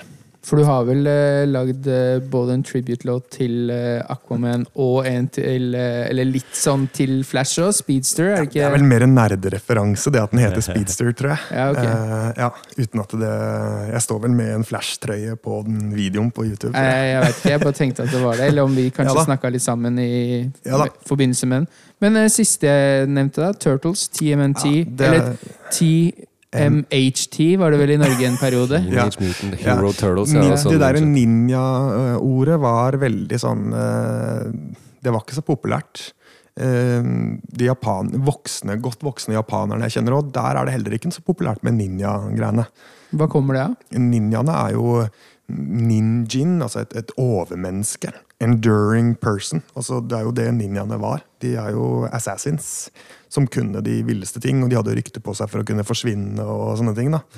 Det er jo logiske grunner til at man eh, trodde det, og ja, uten å gå i dybden på det. Men det ninja-ordet har bare vært litt sånn eh, tabu. Så det var litt sensur, rett og slett? Da de kalte det for det Teenage hero. Hero Turtles? det var mer sånn der glorifiserte det, da. Ikke sant? Nei, men det var jo, var jo kun her i Europa, tror jeg. Eller kanskje til og med bare i Skandinavia de hadde Hero. Ja, Eh, for Amerika elska ninja. Ja. Altså American Ninja. Liksom, det er jo så mye ninja-ting på 80-tallet som Ja, er bare helt fantastisk. 90-tallet også. Jeg husker de laga en film som het Three Little Ninjas. ja, og eh, Surfing Ninjas var Ja, ja. Nei, fy faen, så dårlig. Fy faen, så dårlig. Ah, så ræva. Men du likte den. Ja, jeg digga. Alt som var med ninja å gjøre. Ja, ja. Det var, det var hakket kulere enn Bruce Lee, det. ikke sant? Ikke sant? Favorittene? Eh, av Ninja Turtles. Ja. Eh, det har blitt vanskeligere og vanskeligere å svare på. For da jeg var yngre, så var det Rafael. Han var jo den store, sterke, sinte, cool, but, Mørk til sinns. cool but crude. Og han Mm. brøyt jo vekk fra gjengen og jobba med Casey Jones, og han ga faen, liksom. Mm. Så Rafael var nok veldig kul da jeg var liten. Eh, har nok mer og mer blitt som Donatello. Tatt litt rasjonelle valg og blitt litt sånn gearslut. Jeg vil vite hvordan ting funker, jeg. litt der. Mm. Og så sikkert en del kompiser som ville tippe at jeg liker Michelangelo fordi jeg er en goofball. Og, og så sikkert noen som syns jeg er litt Leonardo fordi jeg sjefer litt. Og, ja. Så du besitter egenskaper fra alle fire, rett og slett? tror alle, jeg tror alle mennesker er en god blanding. Ja, da. Det er litt sant? sånn som eh, Ole Brumm og karakterene der. Da. Ja, ja, ja. At de, de er veldig ekstreme. Mm. Og så tror jeg på en måte at alle mennesker har eh, litt Tussi, litt Ole Brumm, litt Nasse, litt Ikke sant? eh, Tigergutt. Liksom. Mm. Og litt sånn med Nina Turtles også. Men hva syns du om Var det sånn at du leste Eller så tegneseriene på, på 80-tallet, eller? Ja, det, det er det jo Jeg var jo veldig liten da. Ja. Eh, De kom jo i 86-87. Ja, ok, det var såpass sent, ja. Da var det svart-hvitt, og det var eh, utfattelig hardcore. Eh, De deala jo med crime i New York, og det var nådeløst det de holdt på med. ja. Og så blei det jo kjøpt opp, og blei jo plutselig Er det Nickelodeon, forløperen, en av forløper til Nickelodeon eller sånn, som har kjøpt opp rettighetene der sånn, da. Og plutselig så var de, hadde de liksom forskjellig farge på de maskene sine, og sånt, og det hadde de jo ikke originalt. Ah, Uh, og de blei mye mer lystigere, og det blei mye mer tull og pizzafokus Pizza, og alt det der. ja. Uh, Cowabunga dude. ikke sant? Bare skikkelig fjollete, da. Jeg husker jo egentlig bare den, eh, den siden av Turtles, tror jeg. Eh, Ja, det, er- det er det Turtles jeg kjenner. For det, Da de lanserte eh, Turtles-tegneserier for, for, for alvor her i Norge, og sånn, så, så var vel det allerede blitt Det- sånn. Det var det. Men Ja. de, de kom vel i to, 91, 93 og 90. Så jeg har masse blader Mm. fra den tida. Noen i god stand og noen i dårlig, selvfølgelig. Jeg har ikke vært noe sånn collector-sjuk på det der. Men eh, Og så har det på en måte bare vært spennende hele tiden, da. Mm. Eh, og ja, jeg har jo dedikert hele ryggen min til Ninja Turtles. Jo hele Ryggen er jo et portrett. så er det backpiece. vi, vi får velge, legge ut noen bilder av det på, på Instagram-kontoen vår, hvis vi får lov til det. Ja, ja, selvfølgelig. Så, Men, Så, eh, men eh, disse filmene som ble laget på 90-tallet, hadde du et sterkt forhold til de da? Eller? Ja, jeg elska de. Jeg- og jeg, he- jeg, er så, jeg er så biased, da. Så, jeg, så alt som er laga, bortsett fra det derre Next Mutation eller noe sånt, som blei laga på var det midten av 90-tallet, når Turtles på en måte hadde en slags nedgang. Mm. Det var jo helt tragisk, når de lagde en female turtle, og det var helt ute. Det har ikke jeg fått med Nei, meg. det- Så du har ikke bare- vært på kino i det siste? Eller, Jo, eh, jeg så. Jeg har sett de nye. Ja, de har sett på kino. Ja. Og jeg satt aleine i Sandvika og så den første av dem som kom i 2014. eller noe sånt. Og Var det da- den med Megan Fox? Ja. ja. Da satt jeg og grein. Bare helt, det var bare helt magisk. Jeg grein, ikke fordi det var glede. Eller jeg, bare grein, jeg skjønte ikke hva som skjedde. Det var så stort. Ja, ja, det var veldig, helt aleine. Jeg gjorde feilen å se, eller jeg vil i hvert fall si at det var for min del en feil å se den eh, første filmen da, fra 90-tallet igjen i voksen alder. Ja. Det skulle jeg aldri ha gjort. Det, Så med mindre man har et sånn superbiased forhold til det, sånn ja, jo, jeg for har, jeg så elska jo den filmen, men, Ja. så, men så så jeg jo hvor dårlig fightinga var. Det er jo alt, som å eh, se Airwolf og Night Rider igjen også. Ikke Ja, ikke sant? Man skal jo ikke se Tenk- det. Man skal bare bare leve på- på minnene. Ja, ja. Du tenker på den med ekte mennesker og Drakter. drakter. Mm. Riktig. Go riktig. ninja, go ninja. Ja, det er toeren. Det er Ja, det er toeren. Er Det det var MC? Hammer, det, var det ikke det? Vanilla Ice, var det ikke? Var? Vanilla Ice, ja. Var det. Ninja Rap. Mm. Men, eh, men eh, tidligere så snakka vi litt om at uh, du hadde prøvd, prøvd deg på litt sånn beef med han Bad Spit. Mhm. Men har ikke du hatt beef med en annen uh, rapper litt sånn i, i området rundt der du er fra? Uh, Det har vel egentlig kanskje vært den eneste beefen som har vært.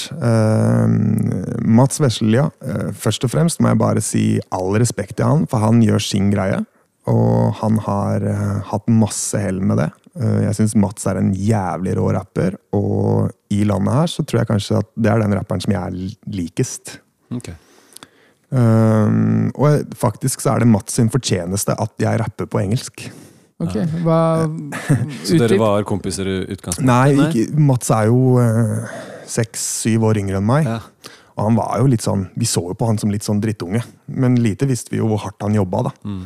At det var jo kanskje ikke bare en fasade, det han gikk gjennom, og han har hatt det jævlig tøft. da. Og så var det en eller annen låt hvor han eh, sa Var det var liksom Fuck Damien, fuck Seed, som er en annen Hønefoss-rapper. da. Mm.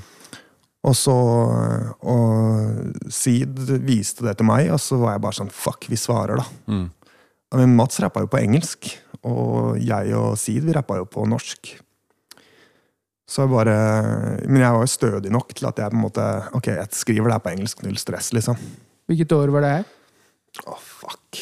Kan det ha vært 2004, 2005, 2006 Og det var jo på en måte før jeg hadde gjort overgangen til engelsk, da. Mm. Så jeg rappa jo på norsk på den tida her. Um, og, så, og så lagde vi en låt som et svar på det. Og jeg husker jeg fikk veldig mye skryt av uh, Dice og Pariah, da, som er liksom Spooks fra Hønefoss. fra Husker back in the days. Ja, De er jo en av pionerene i, i Norge. Og um, de skrøt veldig av det, og særlig Pariah, da, som jeg etter hvert så veldig opp til. For jeg skjønte jo hvor skilla han var. Mm.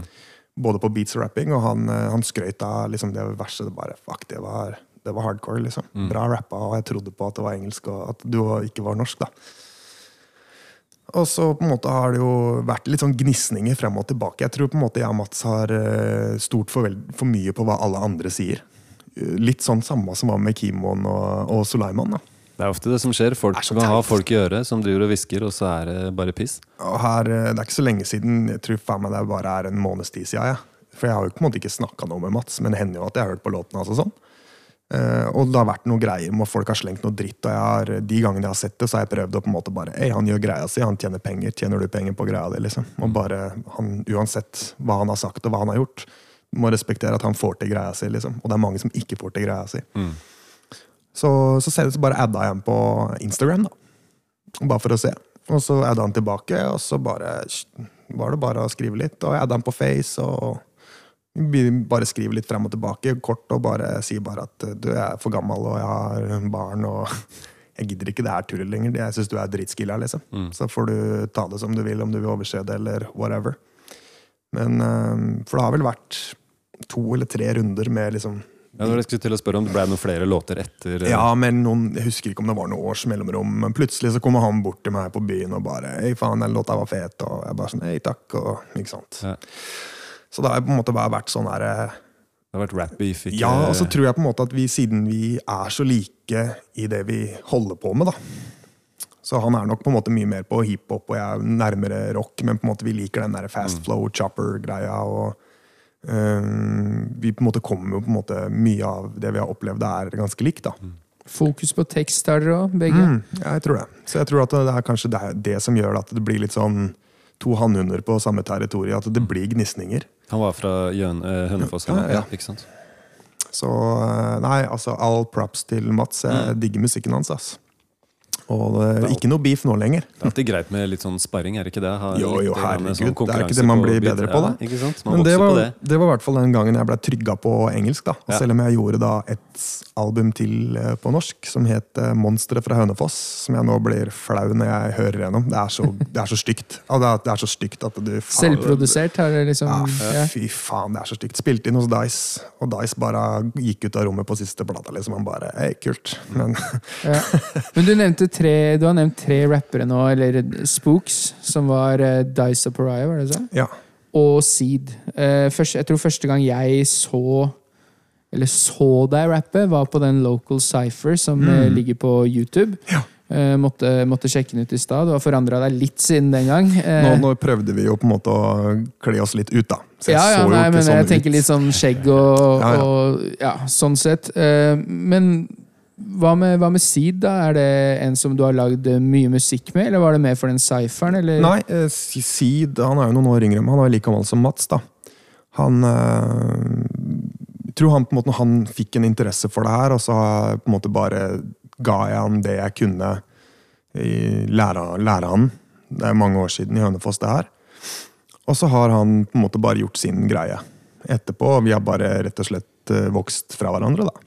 Ja. Så vi har ikke noe særlig kontakt nå, men mm. Og så sa du at du, du fant ut, eller at du innså at eh, eh, Spooks eller Pariah og Dice eh, Men du har vel hatt en gruppe med han også? Ja, Eh, Edge Days? Stemmer. Spilte inn en eh, plate hos uh, Jester. Eh, hvor faen er plata av Jester? den kom aldri ut. Han gjorde ikke det, nei? Men uh, det vi hadde av overskuddsmateriale fra den plata, da, som ikke uh, Pariah følte helt, det tok jeg selv. Og det Ok. blei min første soloplate på engelsk. da. Ah. Hva het den? Beyond the Brutality. Kom i 2011. Ok.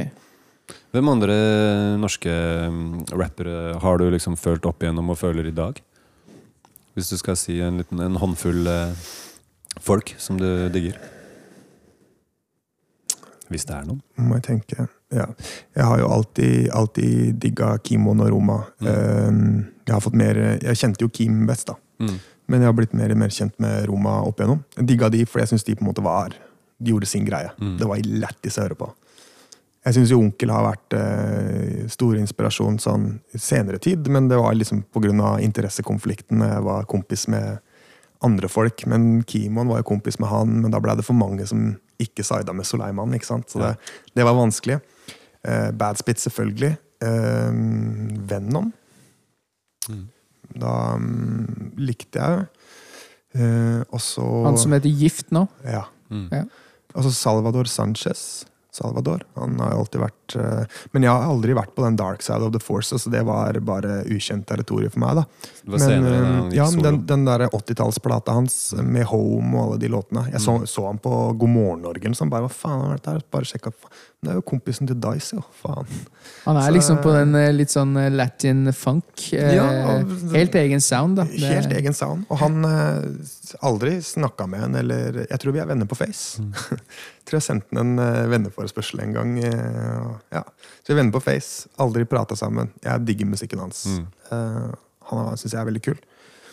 Uh, skal vi se, syns jo Suleiman, selvfølgelig. Mm. Men jeg tror jeg har hørt veldig mye mer enn det alle andre har hørt. da. Um, som aldri al- Det beryktede albumet hans, berykta i Hønefoss, som aldri ble noe av. Um, synd det ikke kom ut. Um, og så må jeg jo si at uh, Pariah og Dice og ja, Spooks det fanga meg når jeg var yngre. Jeg har jo spilt noen konserter liksom med de, når vi kjørte rundt og spilte alle sammen. Og ja, backa hverandre og ja, Hønefoss. T-Productions-gjengen har jo vært en stor uh, inspirasjonskilde, og vi, det var jo store helter for oss da vi uh, vokste opp. Men uh, det var, har kanskje ikke vært helt uh, greia di, eller? Jeg er så dust å snakke hiphop med. Jeg har på en måte hatt Jeg har alltid digga hiphop. Mm.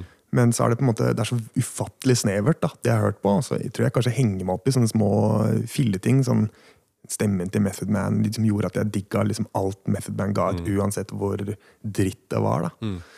Eh, Redman, ikke sant, samme type greia. Men så er det på en måte sånn derre Ja, jeg tror ikke jeg er på en måte nok Jeg vet ikke nok om hiphop, da. Men uh, T-Productions-greiene har aldri catcha meg i det hele tatt. Men, uh, men du sa dere reiste litt rundt og spilte og sånn. Men eh, største venue du har spilt på, da? Størst eh, ever? Ja, som på en måte Jeg vet jo, du har jo vært, vært innom og spilt på Du var med på TV, et TV-show, blant annet. Ja, var det, var det stor, mye crowd og sånn der? Eller? Nei, det var bare i studio? på en Men jeg har, jeg har spilt eh, to ganger på Stappa Rockefeller. da. Ja. Jeg var med på MF Doom og Jurassic 5. Det har jeg gjort. Hvordan var det? Fikk du møte de gutta backstage, eller var det mer sånn MF Doom er en eh, jævla drittsekk. Han spiste all maten backstage og satt på dass hele tida og dreit. og Showet hans var crap. og Han tok og brukte all tida på lydsjekk, så vi fikk eh, nesten ikke lyd. og Så det tid til å teste ut det. Han var skikkelig dust. Og showet hans gikk dritdårlig. Og når jeg gikk ut i crowden etterpå og hadde skifta klær, og sånn, så bare fy faen, oppvarminga var så mye bedre, da. Da Var var du- sånn. Var du fan før det, eller er du fan? Ja, jeg, litt, jeg var fan før jeg møtte han, og da da- var litt sånn Don't Meet Your Heroes. Nice. Det var skikkelig dårlig stemning. Kjipt. Hva med Jurassic 5-gutta? Dritkule. Ja. Dritkule. De sto, sto og hørte på når vi gjorde soundcheck og sånne ting. De var dødsfete. Så du har møtt Charlie Tuna? Oh, ja. Fett. ja nå er jeg litt misunnelig, ikke fordi jeg er sånn starstruck type, men eh, det er en av favorittrapperne mine. Synes bare de var, alle, alle gutta der var bare dødskule, Mm. liksom. Det var ikke noe, det var superchill backstage, og de bare gikk rundt, og de var bare sånn De er for voksne til å liksom gidde å være bitch-ass nå, da, tenker jeg. da. Men MF Doom er vel oppi åra nå? er det ikke? Ja, han har vel runda 40. Men kan eh, jeg tenke det blir jo litt sånn at man er musikken man lager, da. For Mm. Jurassic eh, 5 har jo en veldig munter approach til musikk. Mens MF Doom har ikke så veldig munter eh, approach. Han har ikke det. Ja, heller aldri, altså jeg syns han er uh, kul som en sånn kuriositet, på en måte. Han, Han er MF det. Doom, Han men er, eh, eh, jeg har vel aldri hørt mye på musikken hans. Det blir bredde, da. Han er en breddeartist, liksom. Ja, liksom. Jeg setter han og ASAP Rock litt ved siden av hverandre. At det er Jo, men- eh, litt spennende å, Jeg skjønner hva du mener. ja. ja, å se, Men høre hva de eh, klarer å finne på av eh, flips og sånn med ord. da. Mm. Ja, absolutt. Han har mye morsomt ordspill og, og mye rare. Han er en sær fyr, rett og slett. Han eh, eh, MF Doom. Men jeg Mm. syns uh, Ace of Rock har mye mer visdom i tekstene sine. Mye mer Ja, insight. MF Doom er mye mer en gimmick. Ja. Hva vil du si at dine tekster eh, sånn hovedsakelig Hvilke temaer ja, spinner du rundt, da? Jeg gikk jo veldig mye vekk fra den der død og fordervelse. Jeg har jo da den horror-trilogien som jeg omtaler det som. Det var jo på en måte mitt rap college, da. Hele egentlig barneskolen og ungdomsskolen og videregående, egentlig. Ja. Um, Hvor der du fant deg sjøl? ja, eller fant egentlig ut hva, hvordan jeg skulle rappe. Ja. Men eh, Så da jeg slapp første plata på engelsk som het Beyond the Brutality, så trodde jo folk at nå skulle det bli det samme, bare på engelsk. Nå skulle det liksom challenge. Men der så starter jeg bare med liksom et soul-spor hvor jeg nesten ikke rapper, bare synger. Og, mm, og, men jeg tror mye av låtene mine handler eh, Det handla mye om alt fra liksom depresjon til oppveksten min, bakgrunnen med de religiøse tingene og eh, litt filosofering og tanker omkring det å bli eldre, eller eh, hva som helst, da, ikke sant. Mm. Religion har du jo takla i en del eh, låter. Ja, de Siste flere. skiva også, så Ja, tar du for deg religion. Masse. Ja. Jeg er litt nysgjerrig på hvordan reagerte moren din da hun hørte eh, musikken din? Hun, hun ble vel utsatt for musikken din på et eller annet tidspunkt? kan jeg Jeg tenke meg? tror ikke på en måte Nå har jeg jo skjønt at eh, rap da eh, har jo ikke vært et format som alle skjønner. Litt sånn som metal. Jeg hører ikke hva de sier. Mm. Litt sånn. Så det krever litt trening å på en måte få med seg alt. Ja. Og, eh, og Men mutter'n hørte jo greiene mine Jeg lagde jo de norske tinga i smug, nesten. ikke sant? Eh, men mutter'n har hørt det. Og da husker jeg at mutter'n ble jævlig forbanna. liksom. Mm. Og jeg sier sånne ting som at jeg liker ikke noen, ikke engang bikkja som har født meg. Jeg har vært brutal på de greiene Mm. der. Og jeg har, eh, jeg har nok kanskje Nå har jeg på en måte klart å distansere meg fra hele oppveksten min. eh, og har klart det ganske bra, men jeg tror på en måte at den ungdomstida, den rebellion-greia, da, jeg tror det kom i form av den musikken. Og jeg er veldig glad for at det gjorde det, fordi jeg er veldig sånn eh, har en, det er en grunn til at jeg på en måte slutta å drikke og sånn veldig tidlig. Jeg skjønte at jeg klarer ikke å styre meg. da. Så på en måte Hvis jeg ikke hadde hatt noe annet utløp, så kanskje det hadde blitt eh, mer dopfiksering, eller om det hadde blitt eh, voldelig eller kriminelt. Altså Man vet jo aldri. Jeg tror alle trenger en outlet hvor man kan prosessere disse tingene litt, og det blir litt som terapi, rett Og og det her var så ufiltrert og, Mm. og jævlig, da. ikke sant? Rett og slett. Det, var, det er dritstygt, liksom. Jeg klarer ikke å høre gjennom en hel plate nå engang. Kanskje første EP-en. Ja. Jeg er nysgjerrig på å høre, Hvis du ikke hadde hatt rap som en sånn kreativ outlet, Mm. har du noen tanker om hva du tror du eventuelt ville ha gjort i stedet for rap? Ja, hvis det ikke hadde vært rap, men fortsatt musikk, så hadde jeg drevet med metall eller rock. Mm. altså. For det har jeg jo også drevet med liksom, parallelt med alt det her. Hvis det ikke skulle vært musikk? Tror du du hadde plukka opp en pensel og malt bilder, eller eh, Var veldig glad i å tegne før. Eh, liksom Hatt sånne der eh, nerdete hobbyer, sånn male modellfly og sånne der uh, spillfigurer. Og jeg har jo spilt liksom Magic the Gathering. Altså Jeg er en prime nerd, altså. Sånn super uh, Big Bang Theory-nerd uten utdannelsen og den fete jobben. Og uten T-skjorter oppå sånn tynn genser med lange armer? Som alle gutta er? Skikkelig sånn der uh, Nei, jeg, så jeg faller for alt sånne Ja. fantasy-ting. Så det kan nok hende at det hadde vært en slags outlet. Jeg har spilt mye PlayStation og lest mye bøker opp igjennom, så det er jo på en måte mye sånn virkelighetsflukt der, da. Mm. Ja, du skulle spørre litt om gaming, skulle du ikke det, Tommy? Ja, det var en, eh, en kamerat av deg som heter Paul. Eh, Paul Fosseid. Mm. Som eh, sa at eh, Hvor mye tid bruker du på TV-spill? Ja, det var det, da. Det kommer an på spillet. Ja, for han sa at hvis han sier lite, så ljuger han. Ja, nei. Jeg, når når jeg har en friuke, da, så er det jo liksom Jeg står jo opp tidlig om morgenen, og datteren min er på en måte mitt ansvar når jeg er friuke. Jeg tar det til å være mitt ansvar, da. Mm. Jeg prøver å være en skikkelig hands on pappa, liksom, og, og ta ansvar der. Og får henne i barnehagen til kanskje seinest ni, da. Så kommer jeg hjem, og så er det ofte at jeg ikke på en måte føler for å produsere eller skrive. Det er egentlig det som, Ellers hadde ikke hun trengt å vært i barnehage, egentlig. Men det er jo sosialisering og alt det der. da. Det det. Men noen ganger så for å komme i gang, så kan det hende at jeg sitter Si tre timer om dagen. da. Ja. Nei, men eh, hvilket spill er eh, favorittspillet, da? All time. Ja, Eller det, det du har brukt mest tid på? Fine Final Fantasy-serien har jeg brukt mest tid på. Jeg tror jeg brutter'n begynte å skrive ned fra liksom, Nintendo og Super Nintendo og første PlayStation. Og liksom eh, katalogisert liksom, save-data og sånne ting, for da får du opp hvor mye du har spilt. Mm. Han nevnte for ti år siden at jeg hadde brukt 40 000 timer på Fine Fantasy-serien. Men det har jo vært mange Final Fantasy-spill etter det. Har du sett filmene? Eller filmene? Det er vel filmer? Ja, jeg syns eh, den uh, Spirits Within synes jeg var helt ok. Ikke så mye Final Fantasy. Men den Advent Children, som er en uh, film basert på det jeg mener er det beste Final Fantasy-spillet, da. Den synes jeg Og det er nummer sju? Sy- Nummer syv, ja. Ja. Mm. Men da har du Jeg har lyst til å høre For du nå, ok, favorittspill Uh, Final Fantasy Mm. eh, Favorittskuespiller har vi vel vært inne på Tom Hardy Nei, Eller? nei, det er Nei? ikke favorittskuespiller, du. Nei. Nei. Jeg tror favorittskuespilleren min det er Viggo Mortensen. Viggo Mortensen, det er et originalt og kult Han eh, har ikke spilt en dårlig film. Det er en challenge til deg. Finn en dårlig film som Viggo Mortensen har spilt i. Ja, Det er jo veldig litt. eh, subjektivt. Da, da. ja, det er det selvfølgelig, men jeg er helt enig. Han er en fantastisk skuespiller. Og, Klasseskuespiller. Helt klart. Og Sammen med Natalie Portman. jeg var litt redd for at han skulle bli eh, Aragorn for alltid etter Nei. Lord of the Rings-filmene, men eh, han har virkelig gjort mye interessante Ja, ja. roller i ettertid. Er His. A History of Violence er oh, Eastern høy, Promises. Eastern Promises også, Oh absolutt. Oh men A History of Violence spesielt er bare, åh, den er høyt oppe for meg. Altså. Og så er det så, jeg så teit, for en, en av favorittfilmene med Viggo Mortensen, det er Hidalgo. Hidalgo, ja, for det, Den, they bring out the tears, altså. han, Eh, han, han gjør nok ikke en dårlig rolleprestasjon der, men det var kanskje ikke tidenes eh, Men film. eh, jeg likte ikke Jeg tror det er han som spiller inn. It Comes at Night. Er det It det den heter? Er en sånn eh, Eller jeg, jeg lurer på om det er det den heter. Eh, litt sånn De må bo i, i, i stillhet i skogen eller noe sånt. Han og- er med familien sin. er det han? Jeg lurer Den tror ikke jeg har sett. Den har ikke jeg heller sett. Det så kan ikke være Mats Mikkelsen, eller hva han heter. Han, For han eh, er jo veldig annerledes. De er jo danske begge to, da. Ja, Ja. det er jo Nei, det. men uh, fortsett å prate litt, skal jeg sjekke Ja, opp. men eh, Nei, jo, ok, så um, favorittfilm Nei, Viggo Mortensen, favorittskuespiller. Mm. Eh, favorittfilm? Hvis du klarer å si en. Mm. Favorittfilm.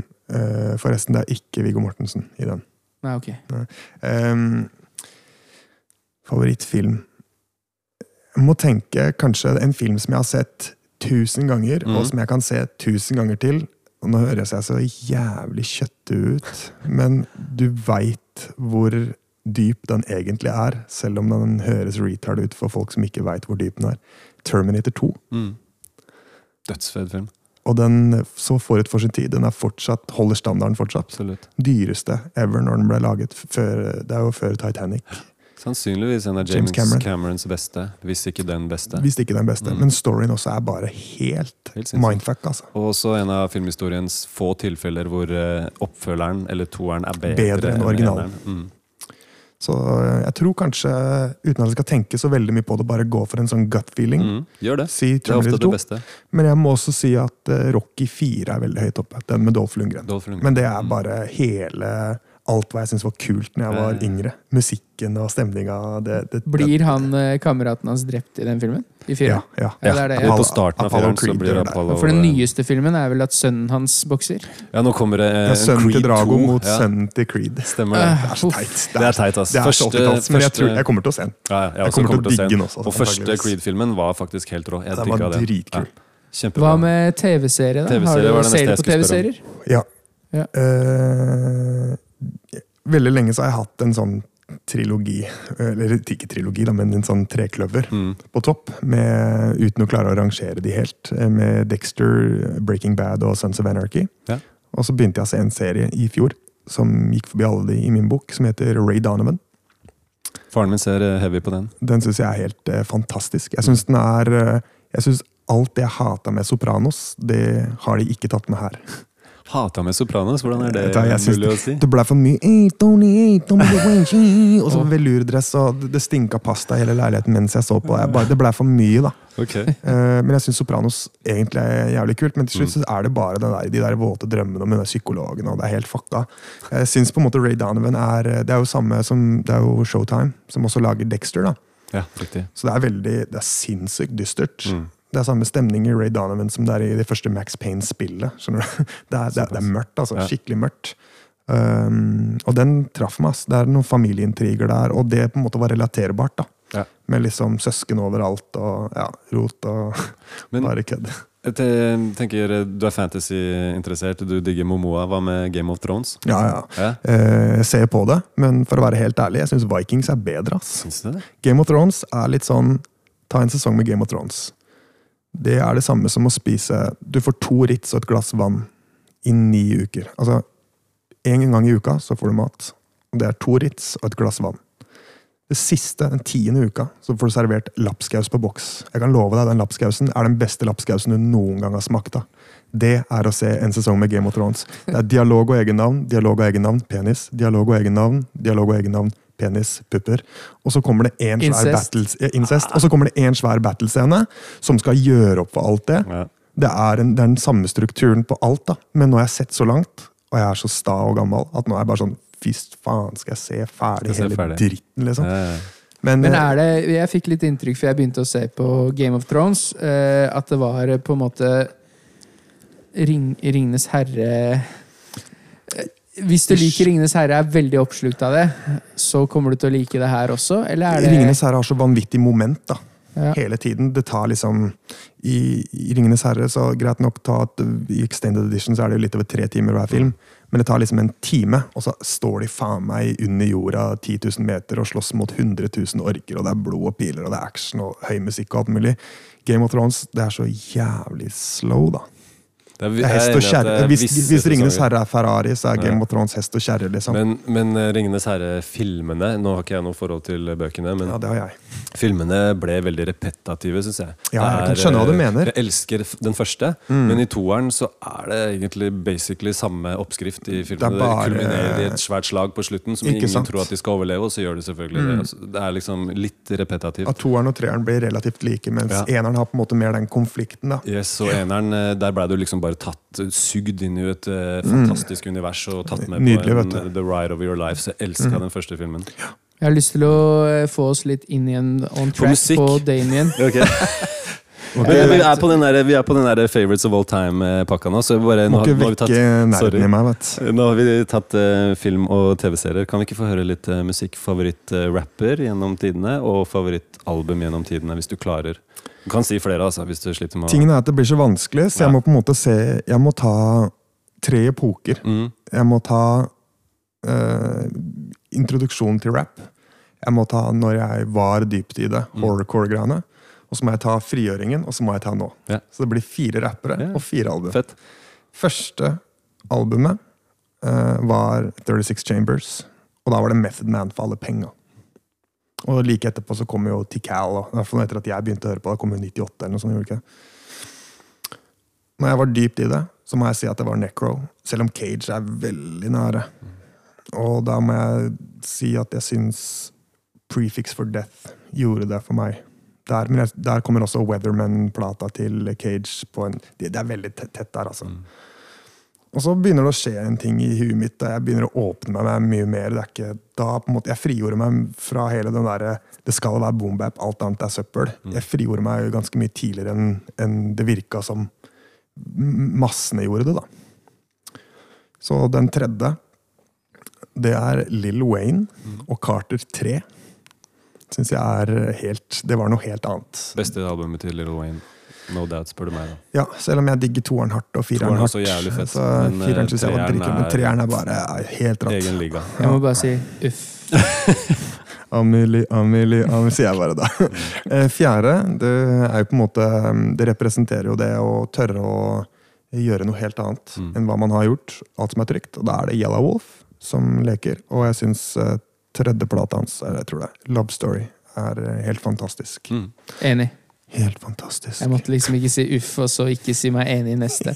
Nei, eh, Den skiva syns jeg at han eh, på en måte finner den perfekte sounden for seg. Den eh, Virkelig. eh, Er det litt uh, eh, Hva heter disse jeg, jeg vil ikke kalle dem indianere, men det er noe sånn ur Litt sånn urbefolknings På de ja, nei, men Nå klarer jeg ikke å komme på hva, hva det heter. Det er veldig mye southern kultur da, på den plata, bortsett fra på en måte 808 og det som han starta med. For han er jo Bama represent. Mm. Og det Men var jo den, den mest kjente låta hans fra den, som Till It's Gone. Till It's Gone, Mm. den har noen lyder, eh, Mm. noen uh, instrumenter. Ja. Som bare Du blir liksom dratt inn i det, og det minner veldig om Han sier jo, han sier jo på en av låtene sine at uh, eh, At han, en del av han er indianer, en annen del er en pilgrim. Han sier jo at om det er, om det er blodet hans, om han har eh, noe native i seg, det vet jeg ikke. Nei, Men, uh, men da, da er det sikkert, helt sikkert det jeg kan godt hende. Ja. Mm. Ja, nei, for det er, det, er, eh, det er noe med den låta, som, og litt, litt på skiva også, til og med den låta med Eminem. Mm, best Som, friend, har- ja. ja, som har noe sånn litt sånn ur, ur i seg, da, hvis du skjønner. Jeg, jeg skjønner hva du mener. Ja. Men eh, altså, vil du ha noe mer sånn best of, eh, Audun? Nei, jeg tror jeg har fått uh, egentlig det jeg lurte på nå. Altså. Ja, for nå tenker jeg, nå har vi vært igjennom uh, Du har vært en horrorcore-rapper på norsk. Oh, yeah. Eh, jeg vil jo bare si at jeg tror ikke det er så veldig mange som har vært det i Norge, annet enn Bad Spit og han kameraten hans Grotesk. var vel også Legenden var vel litt, Hele den Armageddis-klikken var der. der var, jeg vet ikke Ja, hvor mange jeg følte at det var en periode hvor det var en del av de gutta der. Men Mm. eh, Ja, Men Bad Spit var i hvert fall den Ja, råeste av dem. da. Og er ja, Han lagde jo låt med Gore-Tex og Ja, ja, ja, ja. Helt sjukt. Helt sjukt. eh, Og så eh, fant du engelsk, eh, som du takker eh, Jeg tror på en måte mm, eh, Jeg har på en måte alltid rappa litt på engelsk, men jeg tror hele den greia med Mats, den dytta meg kanskje Sparka det, på en måte. Ja, Det tror jeg. Det, det ga meg en liten sånn at eh, fuck, det her kan jo jeg. Og så kom du ut av boombapen Mm. eh, og kunne eh, eksperimentere litt, synge litt, sa du at du hadde gjort på, på den første skiva. Ja. Eh, hvor mange skiver har du gitt ut? Skal man bare tenke alt? På engelsk? På engelsk. Ja. eh, Beyond the Brutality, så kom Skyline, og så kom Astronaut, og så kom Snake Eater, uh, Gaia Nei, eh, Karma Slob og Karma Just, og Gaia og Burning Bridges. S, uh, Sju, var det ikke? Sju. Sju. Mm. Sju album på en uh, periode på hvor mange år? Fra 2010, da. Mm. 2011. ja. Produktiv, altså. Så å si nesten et år i album i året. Mm. Men så har jeg også laga de tre på de horrorcore-greiene på, på norsk. Så, og så har jeg også laga en skive sammen med Endis. Og så har jeg også laga tre plater med Dice som heter Hit Your Kids.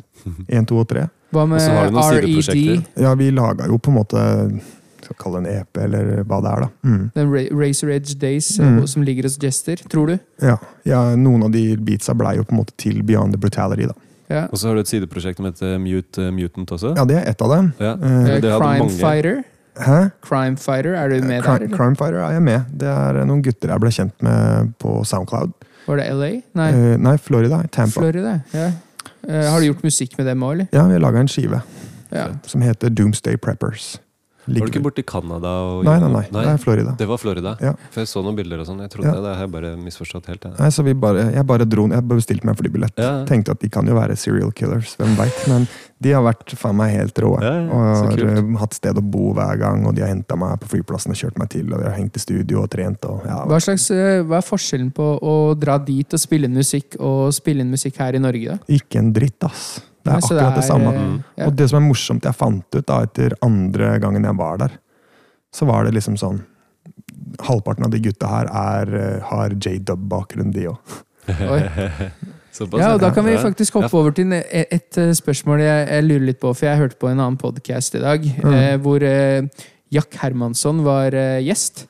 Eh, som også har den bakgrunnen. Stemmer. Eh, men du har jo også lagd en eh, låt for han, som er din mest streamede låt på Mm. Spotify. Kan du fortelle litt om hvordan, eh, hvordan ble det prosjektet til? Jeg har en kompis som heter Daniel, som jeg har eh, spilt Han har vel spilt et par konserter med meg, og ja, vi har gjort litt kule ting sammen. Han, eh, han jobber liksom med alt mulig overalt. Og så plutselig så bare ringer han meg en dag og så sier han eh, Hei, du. eh, du har jo laga mye sånn der sound alikes og sånn. Kunne du liksom laga noe sånt, for vi trenger musikk til en sånn promogreie. Eh, hvis vi sender deg liksom låter, kan du lage ting som ligner på det? Så jeg bare yeah, sure. Tenkte jo at det bare var inngangsportal til å tjene noe penger. ikke sant? Og så ringer han opp en dag etterpå, og, sånn, og så sier han at du, han duden som spør om den musikken her, han sjekka deg ut på Spotify, han hadde hørt en eller annen russelåt du hadde laga. Han digga det verset ditt der. Men går det an å skrive om det? Så jeg bare Russelåt? Faen, stemmer, jeg har laga en russelåt. De er fjerna nå. Jeg, jeg orker ikke ha det ute. Men eh, Så uansett så jeg, får jeg snakka litt, da. Og så bare ok, du vil ha en mer sånn anthem, mer sånn rocke, hiphop, eh, tung greie. Men han likte det verset sånn. Eh, Så det endra vel to setninger på det vers, de versa der. sånn. Siste setningen er lik på alle versa. Og så laga jeg nytt refreng og nytt arrangement, og det blei Joker-låta. Og The Joker er jo en MMA-fighter Mm. fra Sverige. Mm. Uh, Udvala, tror jeg. Stemmer. Uh, så vidt jeg vet. Og han uh, bruker den når han går ut i ringen, eller? Yes, det er hans utgangslåt. Og den har over en million streams på Spotify? ikke det? Ja, Mm. stemmer. Det er jo sykt imponerende. Uten noe Det er jo ikke noe plateselskap eller Nei, noe promo. Det er jo bare Nei. vi har spredd det som Sykt vår låt. imponerende. Så Så når vi, når vi er inne på streams Mm. Du har jo vært med på et TV-program også, som Mm. heter The Stream. Hva var motivasjonen for å, for å bli med der? Jeg syns jo Jeg fulgte jo med litt da, og du la jo ut en eh, veldig sånn rett fram spyttelåt. Mm. eh, hvor du sto på en scrapyard eller et eller annet og bare rappa for harde livet. Ok, to, to be honest, så uh, Jeg har en venninne i Hønefoss uh, som er fra Florida. Ja. Ikke bekjent med de andre gutta i det hele tatt. Uh, andre sida av Florida. Og broren hennes var i Norge. Og han filmer og tar bilder og alt mulig. Og hun bare Shit, kan ikke han lage en musikkvideo for deg? Så vi bare Hva skal jeg lage? Da hadde jeg laga Hell Yeah. Det er jo lenge før den kom ut. Så jeg bare Fuck, jeg har et vers og en kul beat, liksom. Kan vi ikke gjøre den? Og så skal jeg spytte den live ute. Men det var jo vinteren. Det var jo 1000 minus, ikke sant. Og så hadde vi bare Hvor skal vi gjøre det? Så bare, nei, Vi setter opp lys og bruker noen biler og sånn. Så vi, hadde vi en kompis som driver et bilverksted nede ved en sånn junkyard. da. Så sa jeg bare til de gutta at jeg, jeg syns det er så kleint. Vi hadde lyst til å være med. Så jeg, jeg synes det er jævlig kleint at dere står bak meg liksom skal backe meg. Kan ikke dere bare røyke og knuse en bil eller et eller annet sånt? da? Fordi de hadde sett for seg noe sånn Stormzy-greier. og Jeg syns det er super corny. liksom. Så jeg bare, dere kan stå og jobbe litt bak her, og så bare rapper jeg litt. Så laga vi den, og så ikke så lenge etterpå så dukka denne konkurransen opp med The Stream. og eh, En av de som er produsenter der, da. For øvrig ikke da samme type produsent som i hiphop. som, eh, som er fra Hønefoss, som heter Jørn Dahl. Han er veldig alt som TV2 gjør av sånne musikkting. da. Han sier bare 'kan ikke du slegge ut noe der', sånn, og han ville egentlig at jeg skulle legge ut Older-låta mi. da. Som er en annen låt som har mye streams. Som er veldig sånn pop, pop-rap. Det er faktisk kanskje den eh, som er min favoritt av dine låter. Det har jeg sagt før. Det har du. Det, Så og jeg er litt sånn eh, rebellen i meg. Sier bare 'ja, men jeg skal tenke litt på det'. Eh, fuck you, ha det. Og så lasta jeg opp den Hell Yeah-greia, som bare er straight spitten. Og chopper bars og alt mulig. Og inn der og bare Jeg gadd ikke å reklamere. og Det var ikke noe sånn der hey, 'hjelp meg den konkurransen'. Jeg bare lasta opp den, for det var bare kassegitar og synging. Og jeg så et par stykker fra Hønefoss som hadde gjort det. da Mm. Som bare sånn nasal synging og bare, åh, fy faen, så corny. Det er det det blir, vet du, som vinner. Og så bare lasta opp låta, og så plutselig ute, og, ute på tur, da, så er det en som ringer og bare Hei, faen, den derre rappelåta di på streamkonkurransen tar jo helt av, da. Så jeg bare tar helt av. Den ligger på 3000.-plass, da. Ta sjekk igjen, da. Den ligger på tredjeplass. Så jeg bare sånn What the fuck? For da har Grandiosa liksom plukka noen sånne favoritter som de har liksom beefa opp. da. Mm. Og bare Ok, kult. Da begynte jeg å dele. For da fikk jeg jo beskjed at nå går konkurransen ut snart. Hvor du kan stemme helt til siste slutt. Og det er bare å sitte og refreshe. Så jeg fikk jo en liten bande med lokale supporters i Hønefoss til å gjøre det her. De satt jo oppe hele natta vet du, og bare trykka. De bare, det var lørdag kveld, og de bare ga faen. De bare Du skal, du skal videre. Så jeg endte vel på en 30.-plass eller noe sånt, av eh, mange tusen. Og bare Shit, du skal på audition, ass. Så jeg bare Fuck, hva skjer her? Da var å dra på audition, da, og da hadde jeg ehm, Da tenkte jeg bare at jeg skulle gjøre noe Jeg har jo ikke tatt noen smarte valg. Jeg burde jo lasta opp Older. Jeg burde spilt Older der. Det hadde kanskje, kanskje gjort, gjort seg best. Eh, Men jeg valgte da å spille en låt jeg har som heter Blacker Than Black, som er eh, CC Top møter Rage Against the Machine. Kanskje, hvis man skal beskrive det sånn Som du har gitt ut på nytt igjen, har du ikke det? Ja, stemmer. Ja. Den er, eh, hadde helt fantastisk dårlig lyd. Første, ja, så den har spilt inn proper nå. Jeg synger bedre og ja, den er mer egen sound da, nå. Eh, Men den spilte jeg der da med et band og, og kom videre. Mm. Bare, de digga ikke låta, men de syntes at jeg gjorde en bra performance. og sånne ting.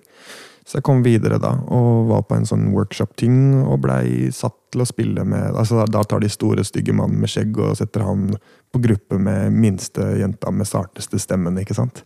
Eh, Amanda Tenfjord, som er en fantastisk uh, sanger. Men uh, så fikk vi en skikkelig kjip låt, en låt som jeg hater. Altså top, min topp fem låter jeg hater, da. Den fikk vi. Eh, Black Hole Sun av Soundgarden. Mm. Jeg kan ikke fordra Chris Cornell. Og, ja, jeg synes Den låta er den dårligste de har laga. Den skulle vi lage en approach på. da. Og det gikk jo dritt, og bandene spilte feil, og ja, så blei vi bare stemt ut. Det, men det var jo litt TV-tid, da.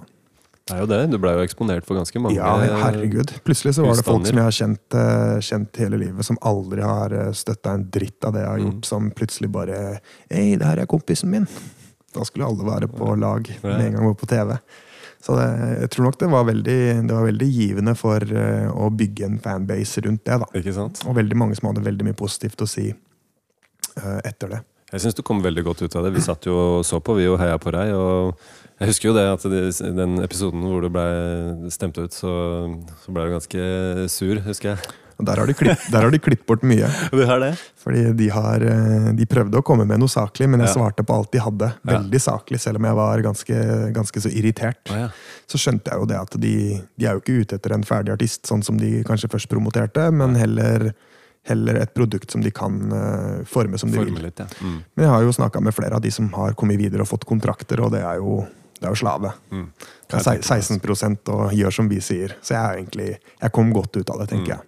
Ikke sant, Du fikk eksponert deg, men det ble ikke Ikke liksom sign opp til en dritt, liksom. Mm. Sikkert eh, like greit. Ja, jeg tror Men det. eh, du har jo noen eh, fine Du hadde jo en fin liste i stad som eh, Audun kom på med TV-serier og film og sånn, men har du en favorittlåt som du sjøl har lagd? Din eh, egen Altså egenproduserte låt? Ja, det er kult å høre.